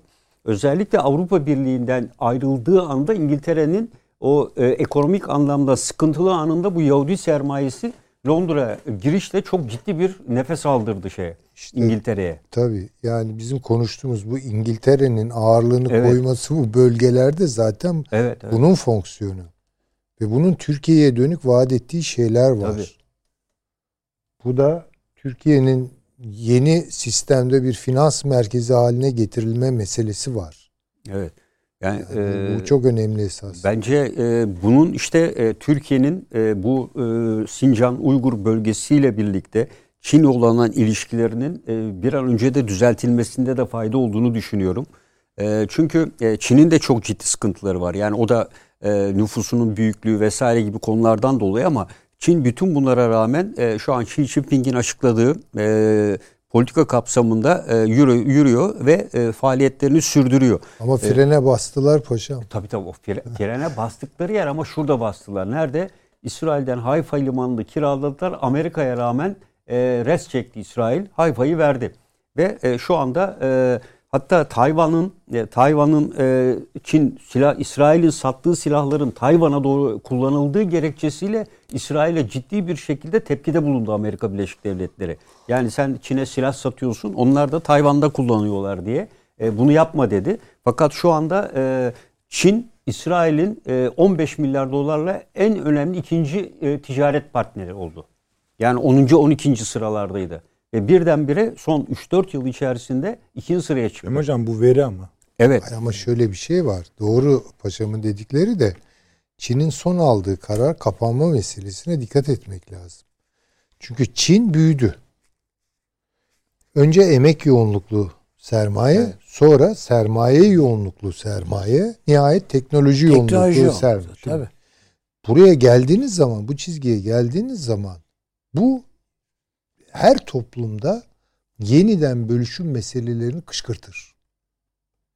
Yani 300 milyonluk yeni orta sınıf eskisi gibi mi davranacak Çin'de yani? O Çin'in iş Ha, meselesi. dolayısıyla ne yaptı? Yuan'ı kıymetlendiriyor şu an. zaten. Evet. Ve ihracatı geri çekiyor. Dikkat edelim buraya. Zaten Ve- frenledi yani. Ha kendi toplumunu bir şekilde kontrol altına alabilmekle şu an ilgileniyor Çin. Bu aslında bakın Evergrande krizi unutmayalım ki mortgage krizinin bir Benzeri. benzeridir. Biri Amerika'da oldu, biri Çin'de yani. Çin'de yakında krize girerse hiç şaşırmayalım bakınız. Böyle bir problem var. Bütün varlığı 300 milyon dolara indi. Tabii ki yani. Ama frenletti şöyle ya zaten e, Tabii, o Xi doğru Jinping, da. e, bu 10 maddelik planını 3 ve 4 maddede sınırlamıştı. Yani kaynaklarını ona göre düzeltti. Çünkü bu e, pandeminin özellikle lojistikte ve Çin'in en büyük sıkıntısı Çünkü boş şehirler var şu anda. konteyner tamam bakın Yani hiçbir aynı- şeye yaramayan Bak, bomboş boş- şehirler. boş- boş. E, şu sıkıntıyı yaşama. Tedarikten en çok etkilenen konteyner bulamaması nedeniyle Çin. Çin E, tabii Çin ki. ürün satmaya çalışıyor, konteyner yok. Yani şu anda Evet. diğer ülkeler Amerika falan Evet. konteyneri vermiyorlar. Yani ellerinde tutuyorlar. E, ciddi bir Problem sorun o var. yani. Evet. Problem o. Bir de şöyle bir şey var. Yani biz hep şu noktadan hareket ediyoruz. Çok özür dilerim ben sizi Yok, böldüm ama Yok, yok. şeyinizi böldüm. Ee, 2008 krizi yaşandı bitti. Hayır efendim 2008 krizi bitmedi. 2000 kriz 2008 krizinin sadece ateşi düşürüldü. Ve bir sonraki atakta çok daha yüksek bir ateş seviyesiyle karşılaştık. Bu da 2019 krizi. Nerede patladı? Repo'da patladı bu sefer. Yani daha evvel konut sektöründe Evet, patladı. İkincisi repo'da. Repo'da patlamış olması niye? Repo işlemleri yani doları kendi aralarında e, becaiş eden bankaların dolara olan güvensizliği, birbirlerine olan güvensizliği yüzünden oradan başladı şimdi iş. Problem neredeydi? Problem şuradaydı. Ee, 2008 krizinin ateşini düşüren kimdi? Çin'di. Çünkü Çin bir yeni atak yaptı orada. Yani para bastı. Herkes para bastı da Çin hatta bankalarına şunu söyledi Çin. Şey yapın. Verin. Bol bol. Karşılığı ne? Karşılığı ben Urban Economics denilen bir modeli uygulayacağım. Bakın Urban Economics demek bütün o battal ve ölü yatırımların Evet. piyasaya sürülmesi demektir. Hocam Bu- az önce Hakan Bey söyledi ya. Tabii tabii, bu taahhüt zombi işleri. şirketler diye. Ha, Zombi şöyle, zombi biraz farklı. Evet. Zombi zaten çalışmayan. Hani borsada değil. zorla ayakta Yani ayakta tutulan dediğiniz- şirketler ha, bunu işte. şey yaptı. Ha, Evet. Orada haklısınız. Bunu Amerika yaptı. Evet. Amerika'da basılan, İngiltere'de basılan paralar borsaya aktarıldı. Çin bunu yapmadı. Çin bankalara yani verdi talimatı verin. İnsanlar konut istesinler. Değil mi yani? Yollar yapılsın, köprüler yapılsın falan. Birden tabii bütün sektörleri canlandırdı. Birden Şili'deki bütün bakırı çekti. Bilmem Avustralya'daki bütün madenleri çekti falan. Dolayısıyla böyle geçici Fantazi yatırımlar hocam yani Ha işte yaptılar. öyle yatırımlar. Yani 250 Yani- metrelik asansör yaptılar. yaptılar falan. E biz de girdik bu oyuna şimdi kabul edelim. Bu Biz de Şili'yi burada- bilerek mi zikrettiniz? Efendim? Şili'yi. Tabii Şili'yi o ayağa Yani kaldı. bugün olan bir şey vardı biliyorsunuz. Şili'de. İktidar değişti orada. 35 yaşındaki 35 sol yaşında genç solcu. bir Tabii, solcu, tabii, olacaktır solcu onlar ve da. çevreci biri geldi. Yani- Buyurunuz. Neyse. Guaido gibi biri geldi galiba öyle mi? Yani bakacağız solda- biraz. İyi dur yani iyi duran tarafı da var ama Vallahi bilmiyorum. Neyse yani sonuçta bakın Ne Evet, oldu bütün bunlar Hayır yani şeyi o solcu ama onların biraz farklı. iki- 2000, Geleceğim. 2008 krizinin aslında halının altına hani tozları e, yapar ya Süpürülme. ha, süpürülmesi gibi bir şey oldu. Bu repoda patladı. Şimdi bundan sonrası daha kötü. Ama bundan sonra da yapacakları şey para basmaktan başka çareleri yok. Ve dolar düşecek. Bugün dolara olan ihtiyaç doların krizlerinden beslenen bir ihtiyaçtır. Yani doları güçlendiren falan katiyen öyle görmesin insanlar yani. peki. Paşam E, Ben Teşekkür e, ederim Sayın Hocam. bir şey daha söylemek istiyorum. Tabii, Tabii, buyurun. bu verileri destekleyen e, yine birkaç program önce de ifade etmiştim. Biden'ın bir açıklaması oldu. e, 2020 yılında 20 milyon civarında silah satıldı dedi. Bu korkunç bir rakamdır dedi. Ve e, bu rakam Amerika içinde şiddeti ve bu tür hareketleri çok ciddi tetikliyor dedi. E, günde ortalama e, 307 civarında silahlı saldırı oluyor ve 160 civarında yaralı ve veya ölüm. E, ve yine yılda ortalama 35 ile 50 civarında polis şiddetinden insan hayatını kaybediyor dedi. Yani e, Amerika'da şu anda 6 milyondan fazla insan hapishanelerde yatıyor. 31 eyaletinde şey var. Utah'ta kurşuna dizmek serbest. 31 eyaletinde idam cezası olan bir ülkeden söz ediyoruz. E, dolayısıyla bir yandan insan hakları kavramı vesaire gibi derlerken toplumsal çözülmenin ve e, herhangi bir iç isyan veya silahlı bir hareketin ki bunların ağırlıklı bir kısmının da Texas tarafında ve Kaliforniya'da olduğu da söyleniyor silahların. Evet. E, bağımsızlık hareket e, tarafı olan gruplar neredeyse e, o taraflar tarafından alındığı ifade ediliyor. E, 20 milyon silah sadece bir yılda satılan. Onun dışında daha evvel söyledik Amerika'da şu anda çok yaygın 3D yazıcıdan silah imalatı. E, felaket bir şekilde silah imal ediliyor. 500 dolar veren 3D yazıcıdan modeli alıyor. Gerekli parçalarıyla silah imal ediliyor. Bu Amerika'da ilk sırada yer alıyor. Ve Amerika Birleşik Devletleri e, tamamen e, kendi içinde e, bu emekli generallerin esasında üç general diyor değil mi? Biri binbaşı, biri yarbay diye de açıklıyor. Hatırlıyorsunuz orada bir evet. yüzün üzerinde bir general bildiri yazmışlardı. Evet. Oradan sonra bayağı sancılı bir dönem olmuştu. Bunu sürükleyen bir çizgi gibi duruyor o. Yani bunun e, çünkü kend... bu adamların dediklerinin içinde şu var. Görevdeki adamlar onlar. Yani şu an fiilen görevdeki adamlara dikkat edin diyor. E, tabii, generaller. Tabii zaten emekli olanlar. Muharip subay bunların çoğu. E, ya Amerika, Amerika Birleşik Devletleri'nde tabii bu tür bir şey yapmak biraz zor Çok bence. Yani e, zor dediniz e, kongreyi zor kurtardı. E, kongre kongre farklı yani. bir yapı. Yani e, ben o gece Amerikan biraz kötüye gitseydi ne olur? Silahlı kuvvetler yapısını bildiğim için yani Anladım, e, Pentagon'da da bir süre kaldım ve diğerinde de yani onlarda bütün birimleri e, kontrol etmek biraz oldukça güç. Doğru. Ancak e, bu yapı içinde e, belki birimsel olarak yönetsel kademede ele geçebilir. Yani Amerika'da öyle e, daha önce de olduğu gibi zaten yapılan anketlerle vatanseverlik vesaire gibi duygular e, ön planda değil. Yani yapılacak böyle bir hamle de Amerika yeniden hegemonik güç yapalım vesaire gibi kavramlarla o değil. Yok, o yani e, e, yani ulusal duygular yok ama Tabii. şöyle bir şey var. Özellikle askerlerde ordu Tabii tabii zaten. Ordu mensubu olmak, polis olmak Amerika'da ayrı bir şey yani özel bir şey. O ordu için, ordunun iktidarı için ölebilirler yani. Ama şöyle iki grup var. Şimdi kavgayı. ben e, oraya gittiğimizde e, Acem Birlik ve oradaki birlik komutanlarla görüştük. İşte üniversitede okuyan gençlere para falan veriyorlar. E, asker bulamıyorlar.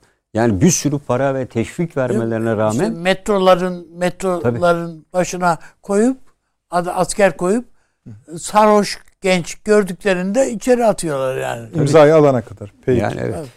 Şimdi efendim ana konumuza nihayet geçeceğiz. Ana konumuz ve esasında bir hani Perşembe için girizgah öyle kabul edelim. Yetişmez çünkü ama ne olduğu konusunu tam netlememiz lazım. Bu akşam konuştuklarımızdan da daha önemlice bir konudur. Son reklamımız var. Kısadır. Hemen geliyoruz efendim.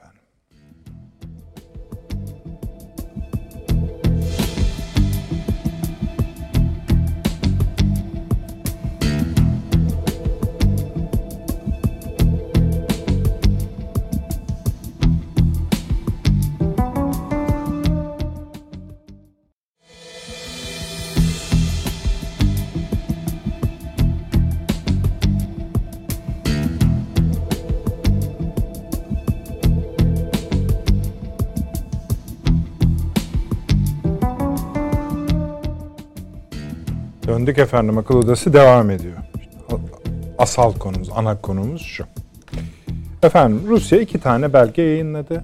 Bu belge bir takım şartlar içeriyor, maddeleri içeriyor. Bunlardan bir tanesini Amerika Birleşik Devletleri'ne verdi.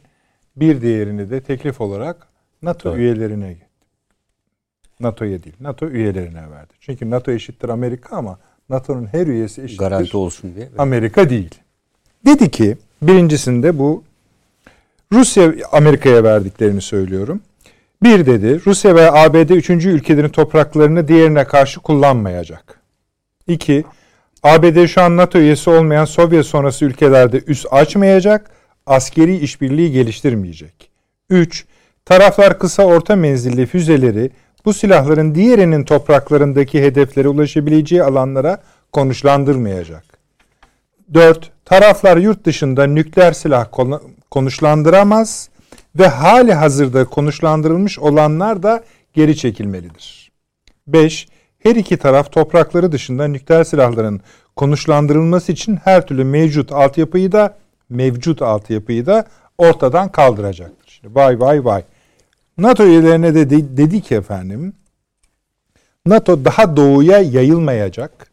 Ukrayna'yı üye yapmayacak. NATO Ukrayna'da, Doğu Avrupa'da, Güney Kafkasya'da veya Orta Doğu'da, Orta Asya'da herhangi bir askeri faaliyette bulunmayacak.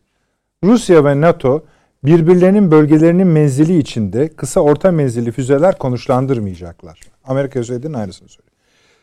Taraflar birbirini düşman olarak, burasına dikkat isteriz efendim. Taraflar birbirini düşman olarak görmeyecek, tehdit oluşturmayacak, güç kullanmaktan kaçınacak, uluslararası anlaşmazlıkları barışçıl yollarla çözecektir. Bunu Amerika'ya da söylüyor. Şimdi bir yanıyla bakarsanız mesela birinin önüne bu metni koyarsanız Amerika'nın önüne hani gözünüzün önünde yırtıp atabilir. Ne diyorsun sen falan diye. Nitekim hem NATO'dan hem Amerika Birleşik Devletleri'nden gelen aleni reaksiyonlar bu şekilde gözüktü. Fakat sonra fark ettik ki bu konuda ciddi temaslar oluyor her gün. Her gün konuşuyorlar. Sonra iki tarafta çıktı dedi ki biz bunları konuşuyoruz.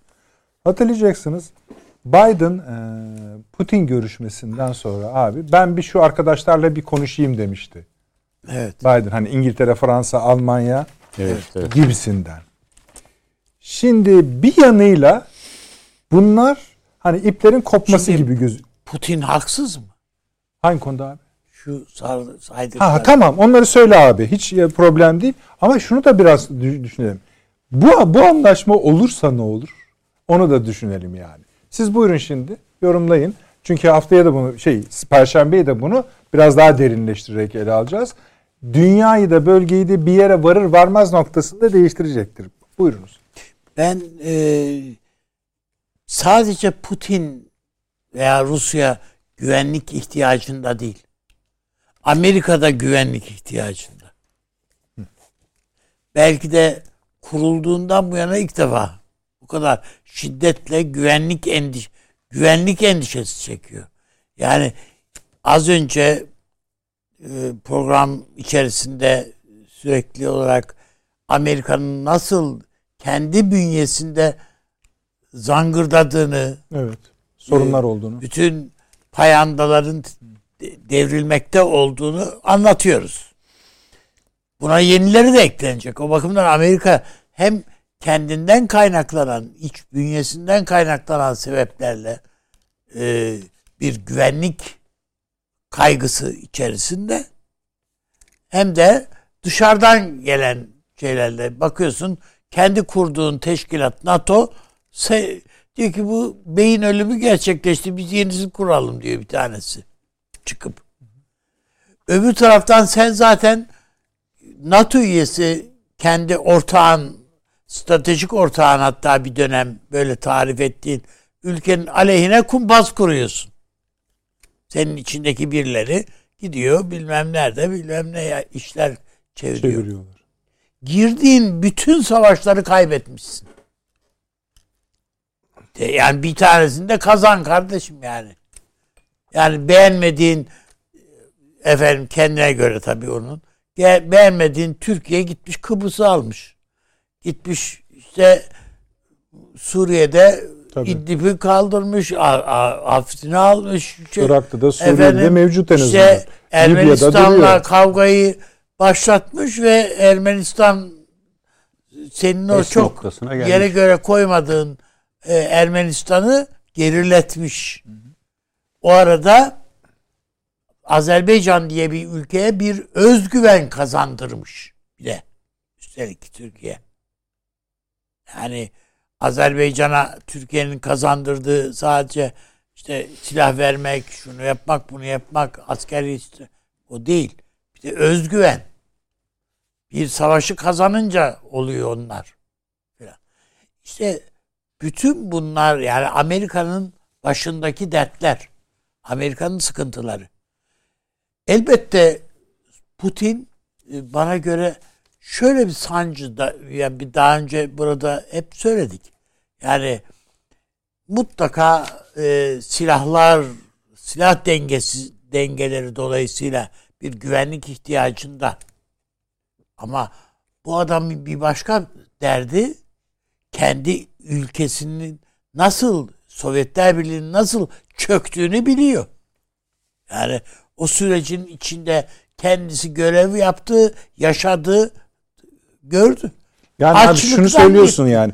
Amerika ile de bir yol bulursa Tabii, bir tabii. helalleş. Tabii buyurun. Yani her ikisi de her ikisi biri ikisi de kendi paçayı kurtarmanın derdiyle yani Rusya açısından da böyle.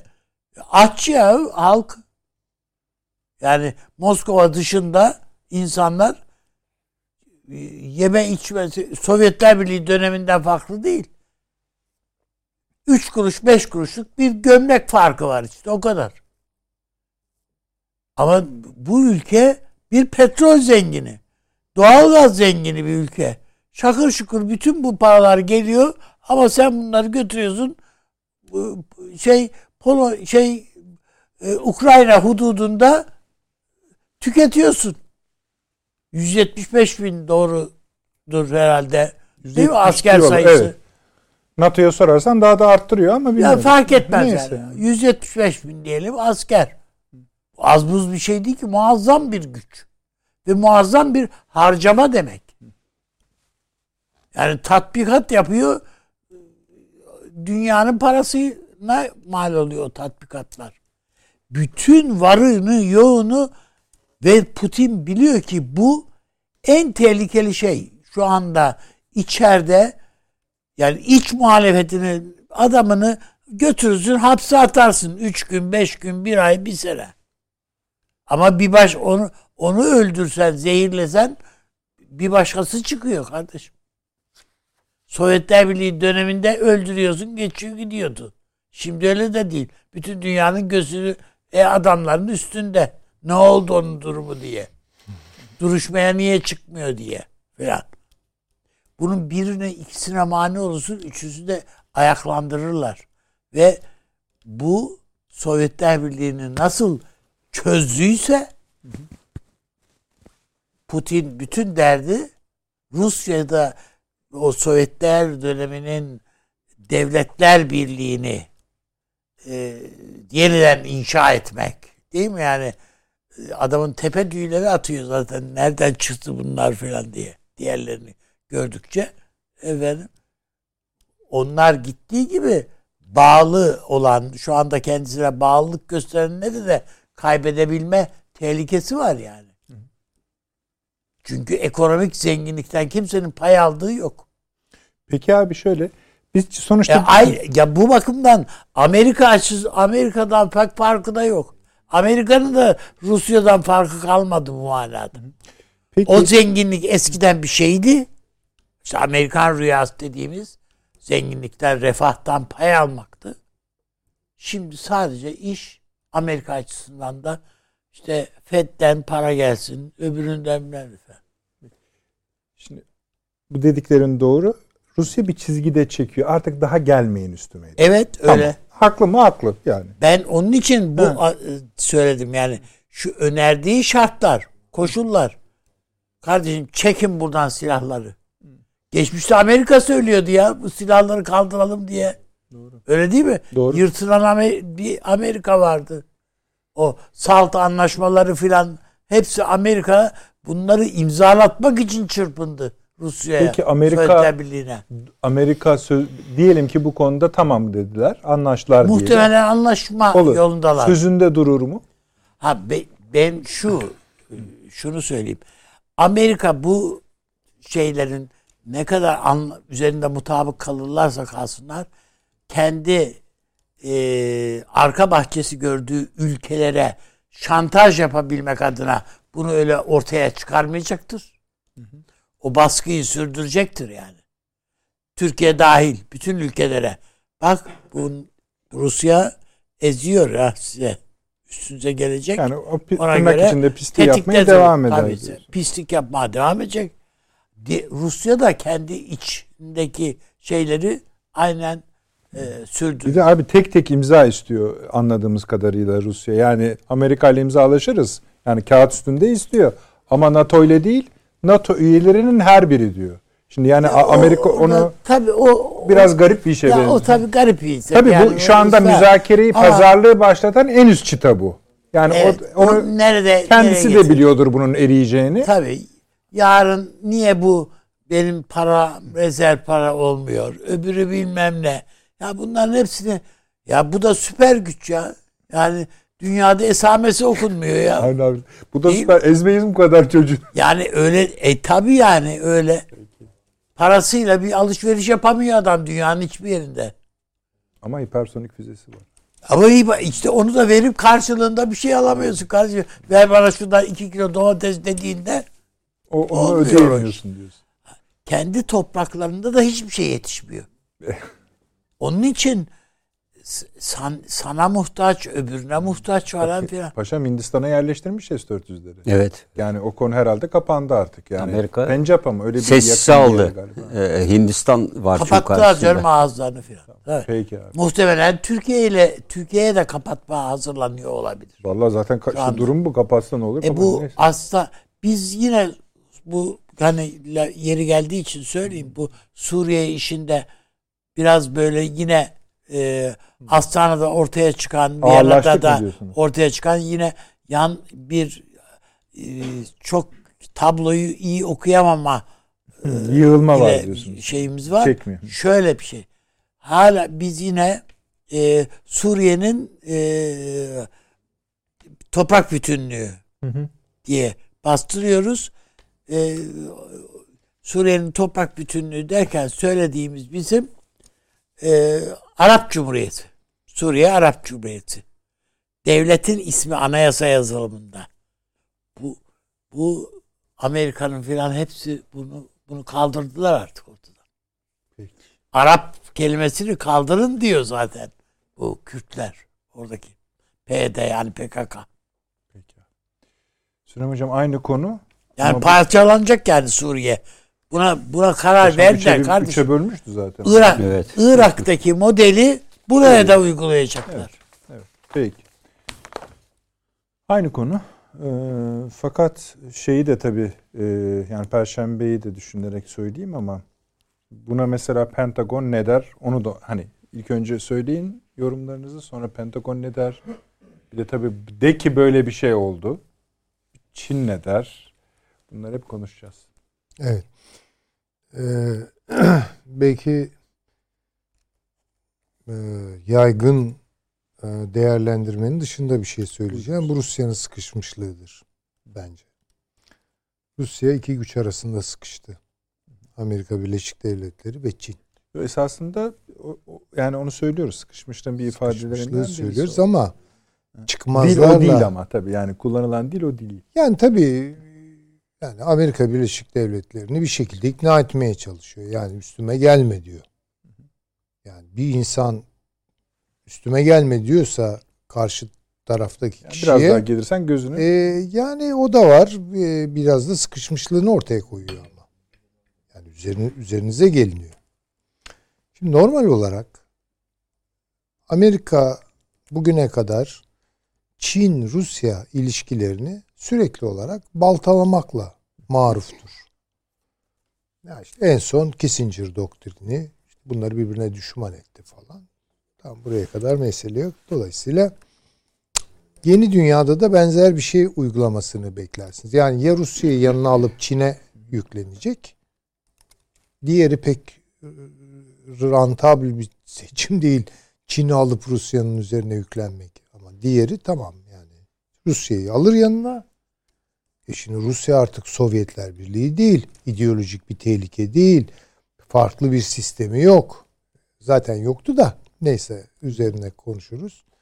Yani serbest piyasa diyor. Yatırım yapılıyor. İşte iyi kötü seçimler yapılıyor falan yani. Yani Rusya düşmanlığı nereden çıkıyor Allah aşkına yani? Neye dayandırılıyor bu? Neye dayandırılıyor? Akıl almaz bir boşluk var bunun arkasında. Şöyle desek acaba yanlış olur mu? Çin'e yüz, Çin'e yüzünü dönme, cephesini dönmeden önce Rusya'nın stratejik potansiyelini eritiyor. Ha, çok doğru söylediniz. Hala çünkü askeri bir güç. Güç, Öyle. Tamam. Öyle. Dolayısıyla İşte Amerika 170 bin yani. Ha, Amerika şunu yaptı. Rusya'nın e, aşil topuklarını gördü. Aşil topuğunu gördü. Çünkü Rusya Çin gibi çıkamadı bu işten. Yani bir üretim hatağıyla çıkamadı. Sadece askeri güç olarak mı kaldı? Tamam. Güzel. Şimdi bunun bir maliyeti var. Dolayısıyla ben o maliyeti Rusya üzerinde arttırırsam onu sürekli asker hareket ettirmeye, ordu beslemeye, teknoloji geliştirmeye, askeri manada teknoloji. Dolayısıyla oradaki rejimi, iktidar odaklarını bir gün halkın karşısına atarım. Ve orada istediğim dönüşümü yaparım. Bence beklentisi bu. Şimdi bu yani taktik olarak baktığımızda bir şey ifade etmiyor. Ama Erkan Bey dedi ya stratejik baktığınız zaman daha çok şey görüyorsunuz. Daha büyük. Tesadüf değil. Ukrayna sorununu çıkartması, Belarus meselesini yani sürekli olarak Rusya'yı e, alarm halinde tutup kaynaklarını kendisinin tüketmesine yol açmak. Amerika'nın derdi bu. Bence de bu rasyonel bir şey. Amerika açısından koyduğumuz zaman. Şimdi diyeceksiniz ki ya öyle yaparsa o zaman Rusya da gider Çin'e yanaşır. Nitekim görüntüler öyle işte. Kardeşim benim, dostum benim. Telekonferans değil mi? Pink'le e, Görüşmeler. görüşmeler, hatta anlaşmalar. Hatta bunların içerisinde çok ekonomik iki tarafın On, on, win-win on, on, falan. onda yapıyorlar onu. Ama unutmayın. parayı- Yani hani biz hava savunma ya Türkiye'nin damı yok. Değil mi? Hava savunma sistemimiz yok. Yani nasıl kendimizi üşümüş ve yalnız hissettik ve işte onu bir an evvel kapatmanın derdini. Aynı şeyi Rusya düşünsün. Çünkü Uralların doğusundan itibaren sahipsiz Kara parçası. nowhere yani. Nowhere yani. No Ve- Manland, no Verland. Tabii. Ee, tahmin ediyorum bir beş buçuk milyon mudur oraların nüfusu? Yani Sibirya, koca coğrafyalar. Öyle. Aslında Moğolistan da öyle. E, tabii ki Yani öyledir. Moğolistan da. Moğolistan da Ve öyle. Çin Moğolistan biliyor 7 ya. katı büyüklüğümüzde Çöl, tabii. coğrafi Bakın, olarak nüfusu şunu- 7 kat daha az. Tabii şunu şunu görelim. Bugün e, Sibirya'da e, mevcut olan ya da o Uralların doğusunda mevcut olan Çin nüfusu Rus nüfusundan fazla. Yani 15 milyon diyenler var, 20 milyon diyenler var. Öbür tarafta 5,5-6 milyon benim bildiğim, hatırladığım ya belki daha fazladır ama yani onun yarısı ancaktır. Şimdi böyle bir tabloda gerçek tehlike ne yani Rusya için? Son tahlilde kaybedici Çin'dir. Yani şuna bağlamış oldunuz. Yani Tabii. eğer Amerika Birleşik Devletleri bu şartları müzakere edip Rusya ile el sıkışırsa Rusya Çin'i terk edecek. Eder, edeceğini zaten deklare etti. Nasıl etti? Deklare etti. Amerika'ya s- Söyledi. Yani bu söylediği şartlar kendi içinde geçerli. e, Alexander e, Lukin galiba. Soyadı, yani tam belki telaffuz edemiyorum. Lukin Dugin değil Dugin, tabii. Dugin değil. Yok, hayır yok, hayır. Lukin. Lukin, Lukin miydi o adam? Hatırlamadım. Ya yapmayın diyor Amerika'ya. Bizle uğraşmayın. Hmm. Gelin el ele verelim. Şu Çin'in hakkından gelelim demeye getiriyor. Ya bu adam e, şu an Rus entelijansiyasının yani jeostratejik ve politik Hı hı. aklının baş mimarlarından biri. Çünkü bakmayalım görüntüleri aldanmıyor. Bir zamanlarda biliyorsunuz e, Stalin'le Hitler de el ele ve kol kolaydı. Evet. Yani bu mesele öyle değil.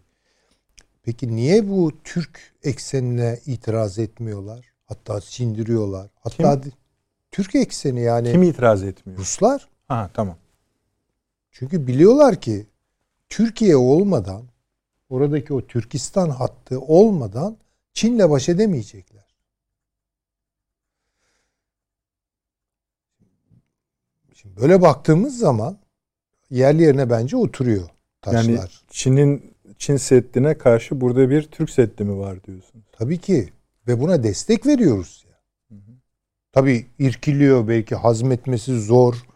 Ee, ne bileyim yani şüphe duyduğu belli noktalar var ama diyor ki tabii diyor canım diyor yani Türkler diyor kültürel olarak birbirleriyle yakınlaşacaklardır. Bundan daha tabii ne var diyorlar.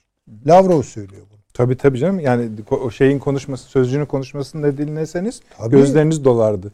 E şimdi niye söylüyor bunu? Çünkü biliyor ki esas tehlike onun için Amerika falan değil. Çin.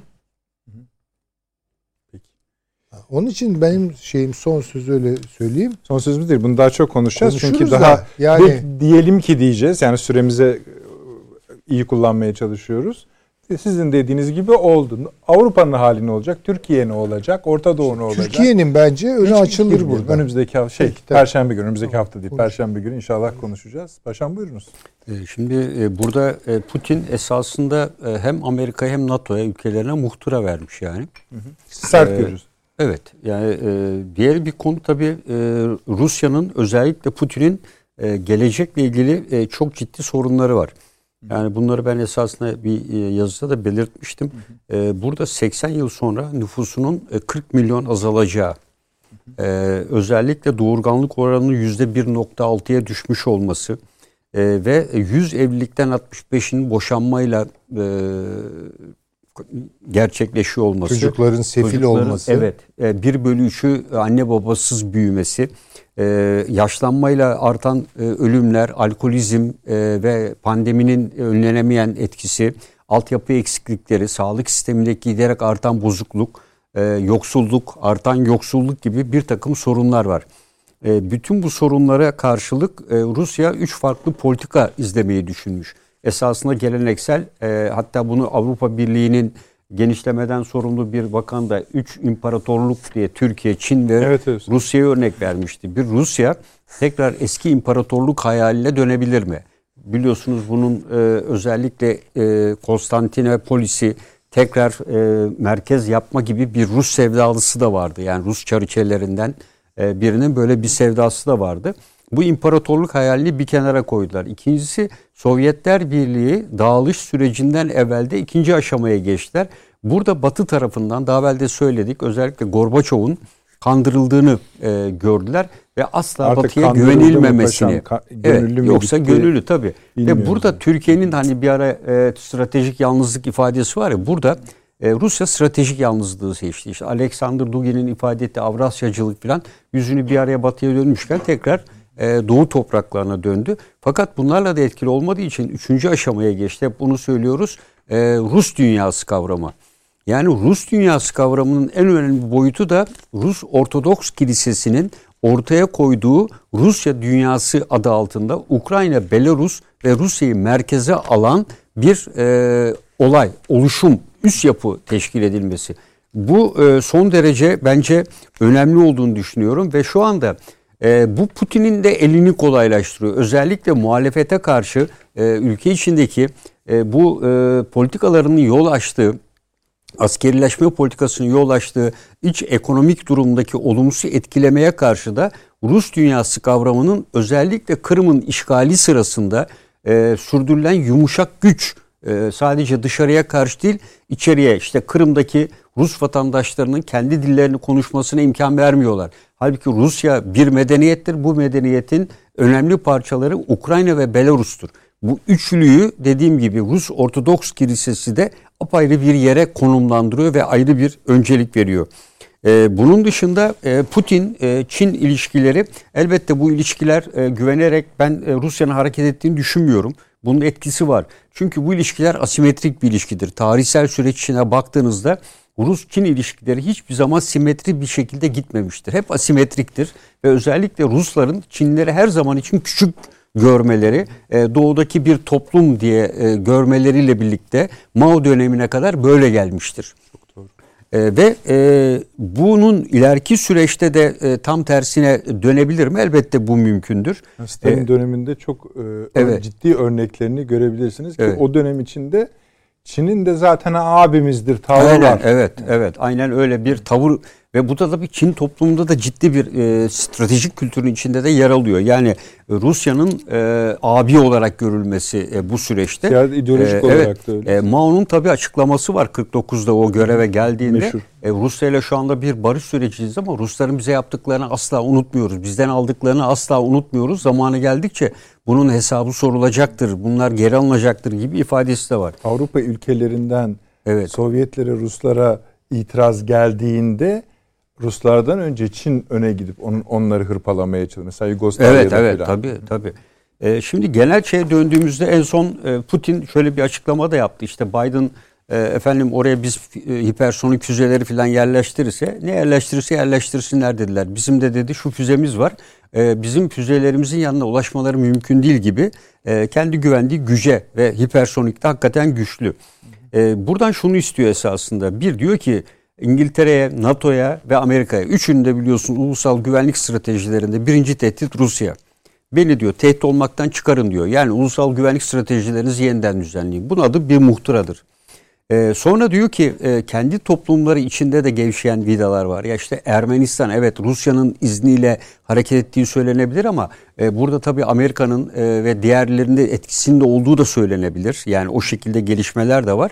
Dolayısıyla e, Rusya aynı zamanda askeri görünümle çünkü Kırım olayından sonra Rus dünyası kavramını sert güçle birleştirmeye başladı. Yani sadece Rusya dünyası kavramının Batı nezdinde fazla bir önem kapsamadığı, Bu biraz Slav dünyası. Slav dünyasına anlamında. yönelik bir mesaj olduğunu Yani Rus ancak değil. bunun ge- gerekli cevabı ve e, birleştirmek için de işte Belarus ve Ukrayna örneğinden hareket ederek yeterli olduğunu, işte 650 bin Ukrayna vatandaşının Rus vatandaşı olmasını sağladığını e, ve daha da bu sayının artabileceğini de belirtiyor.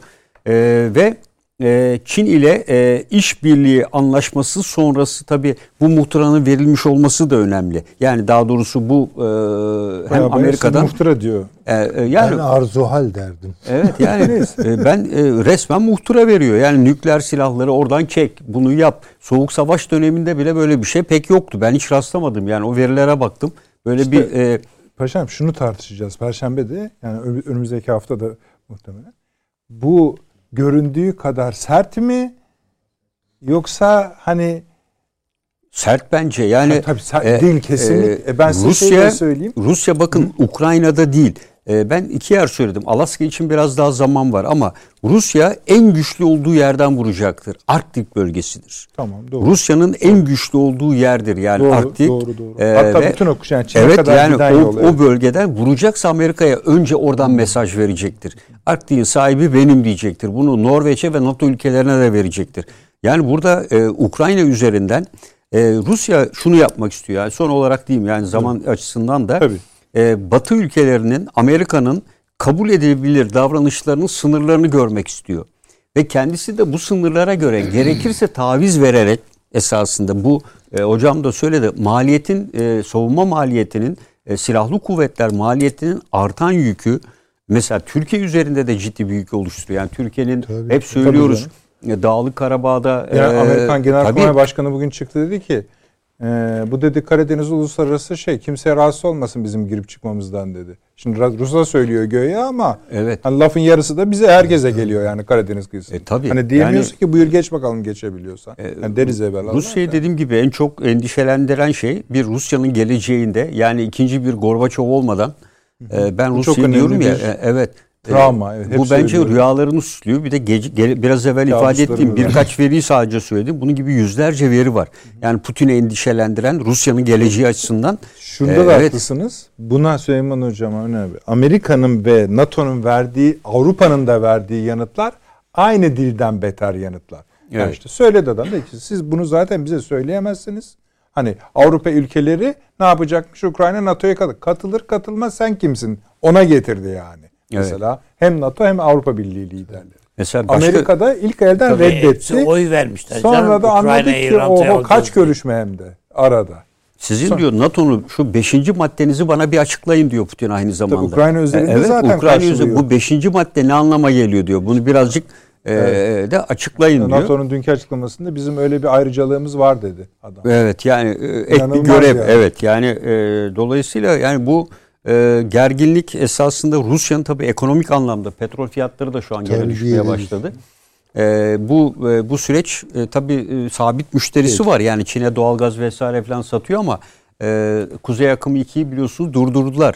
Yani bu e, e, tam bitme noktasındayken Avrupa'ya tam bağımlılığı sağlayacakken Tabii o tekrar çıktı ortaya şimdi. Evet. Mesele kapanmışken. Şimdi Almanya ile birlikte o çok konuşulacak konu var. Zaten sevgili Evet. reji şu anda kulağıma ağlıyor. Abi, abi, abi çok teşekkür Evet. ediyorum. Sağ Ben olun. de Eksik teşekkür olmayın. ediyorum. Süleyman Hocam devam edeceğiz. Sağ olun. Ağzınıza sağlık. Paşam çok çok teşekkür, teşekkür ediyorum. Size iyi geceler.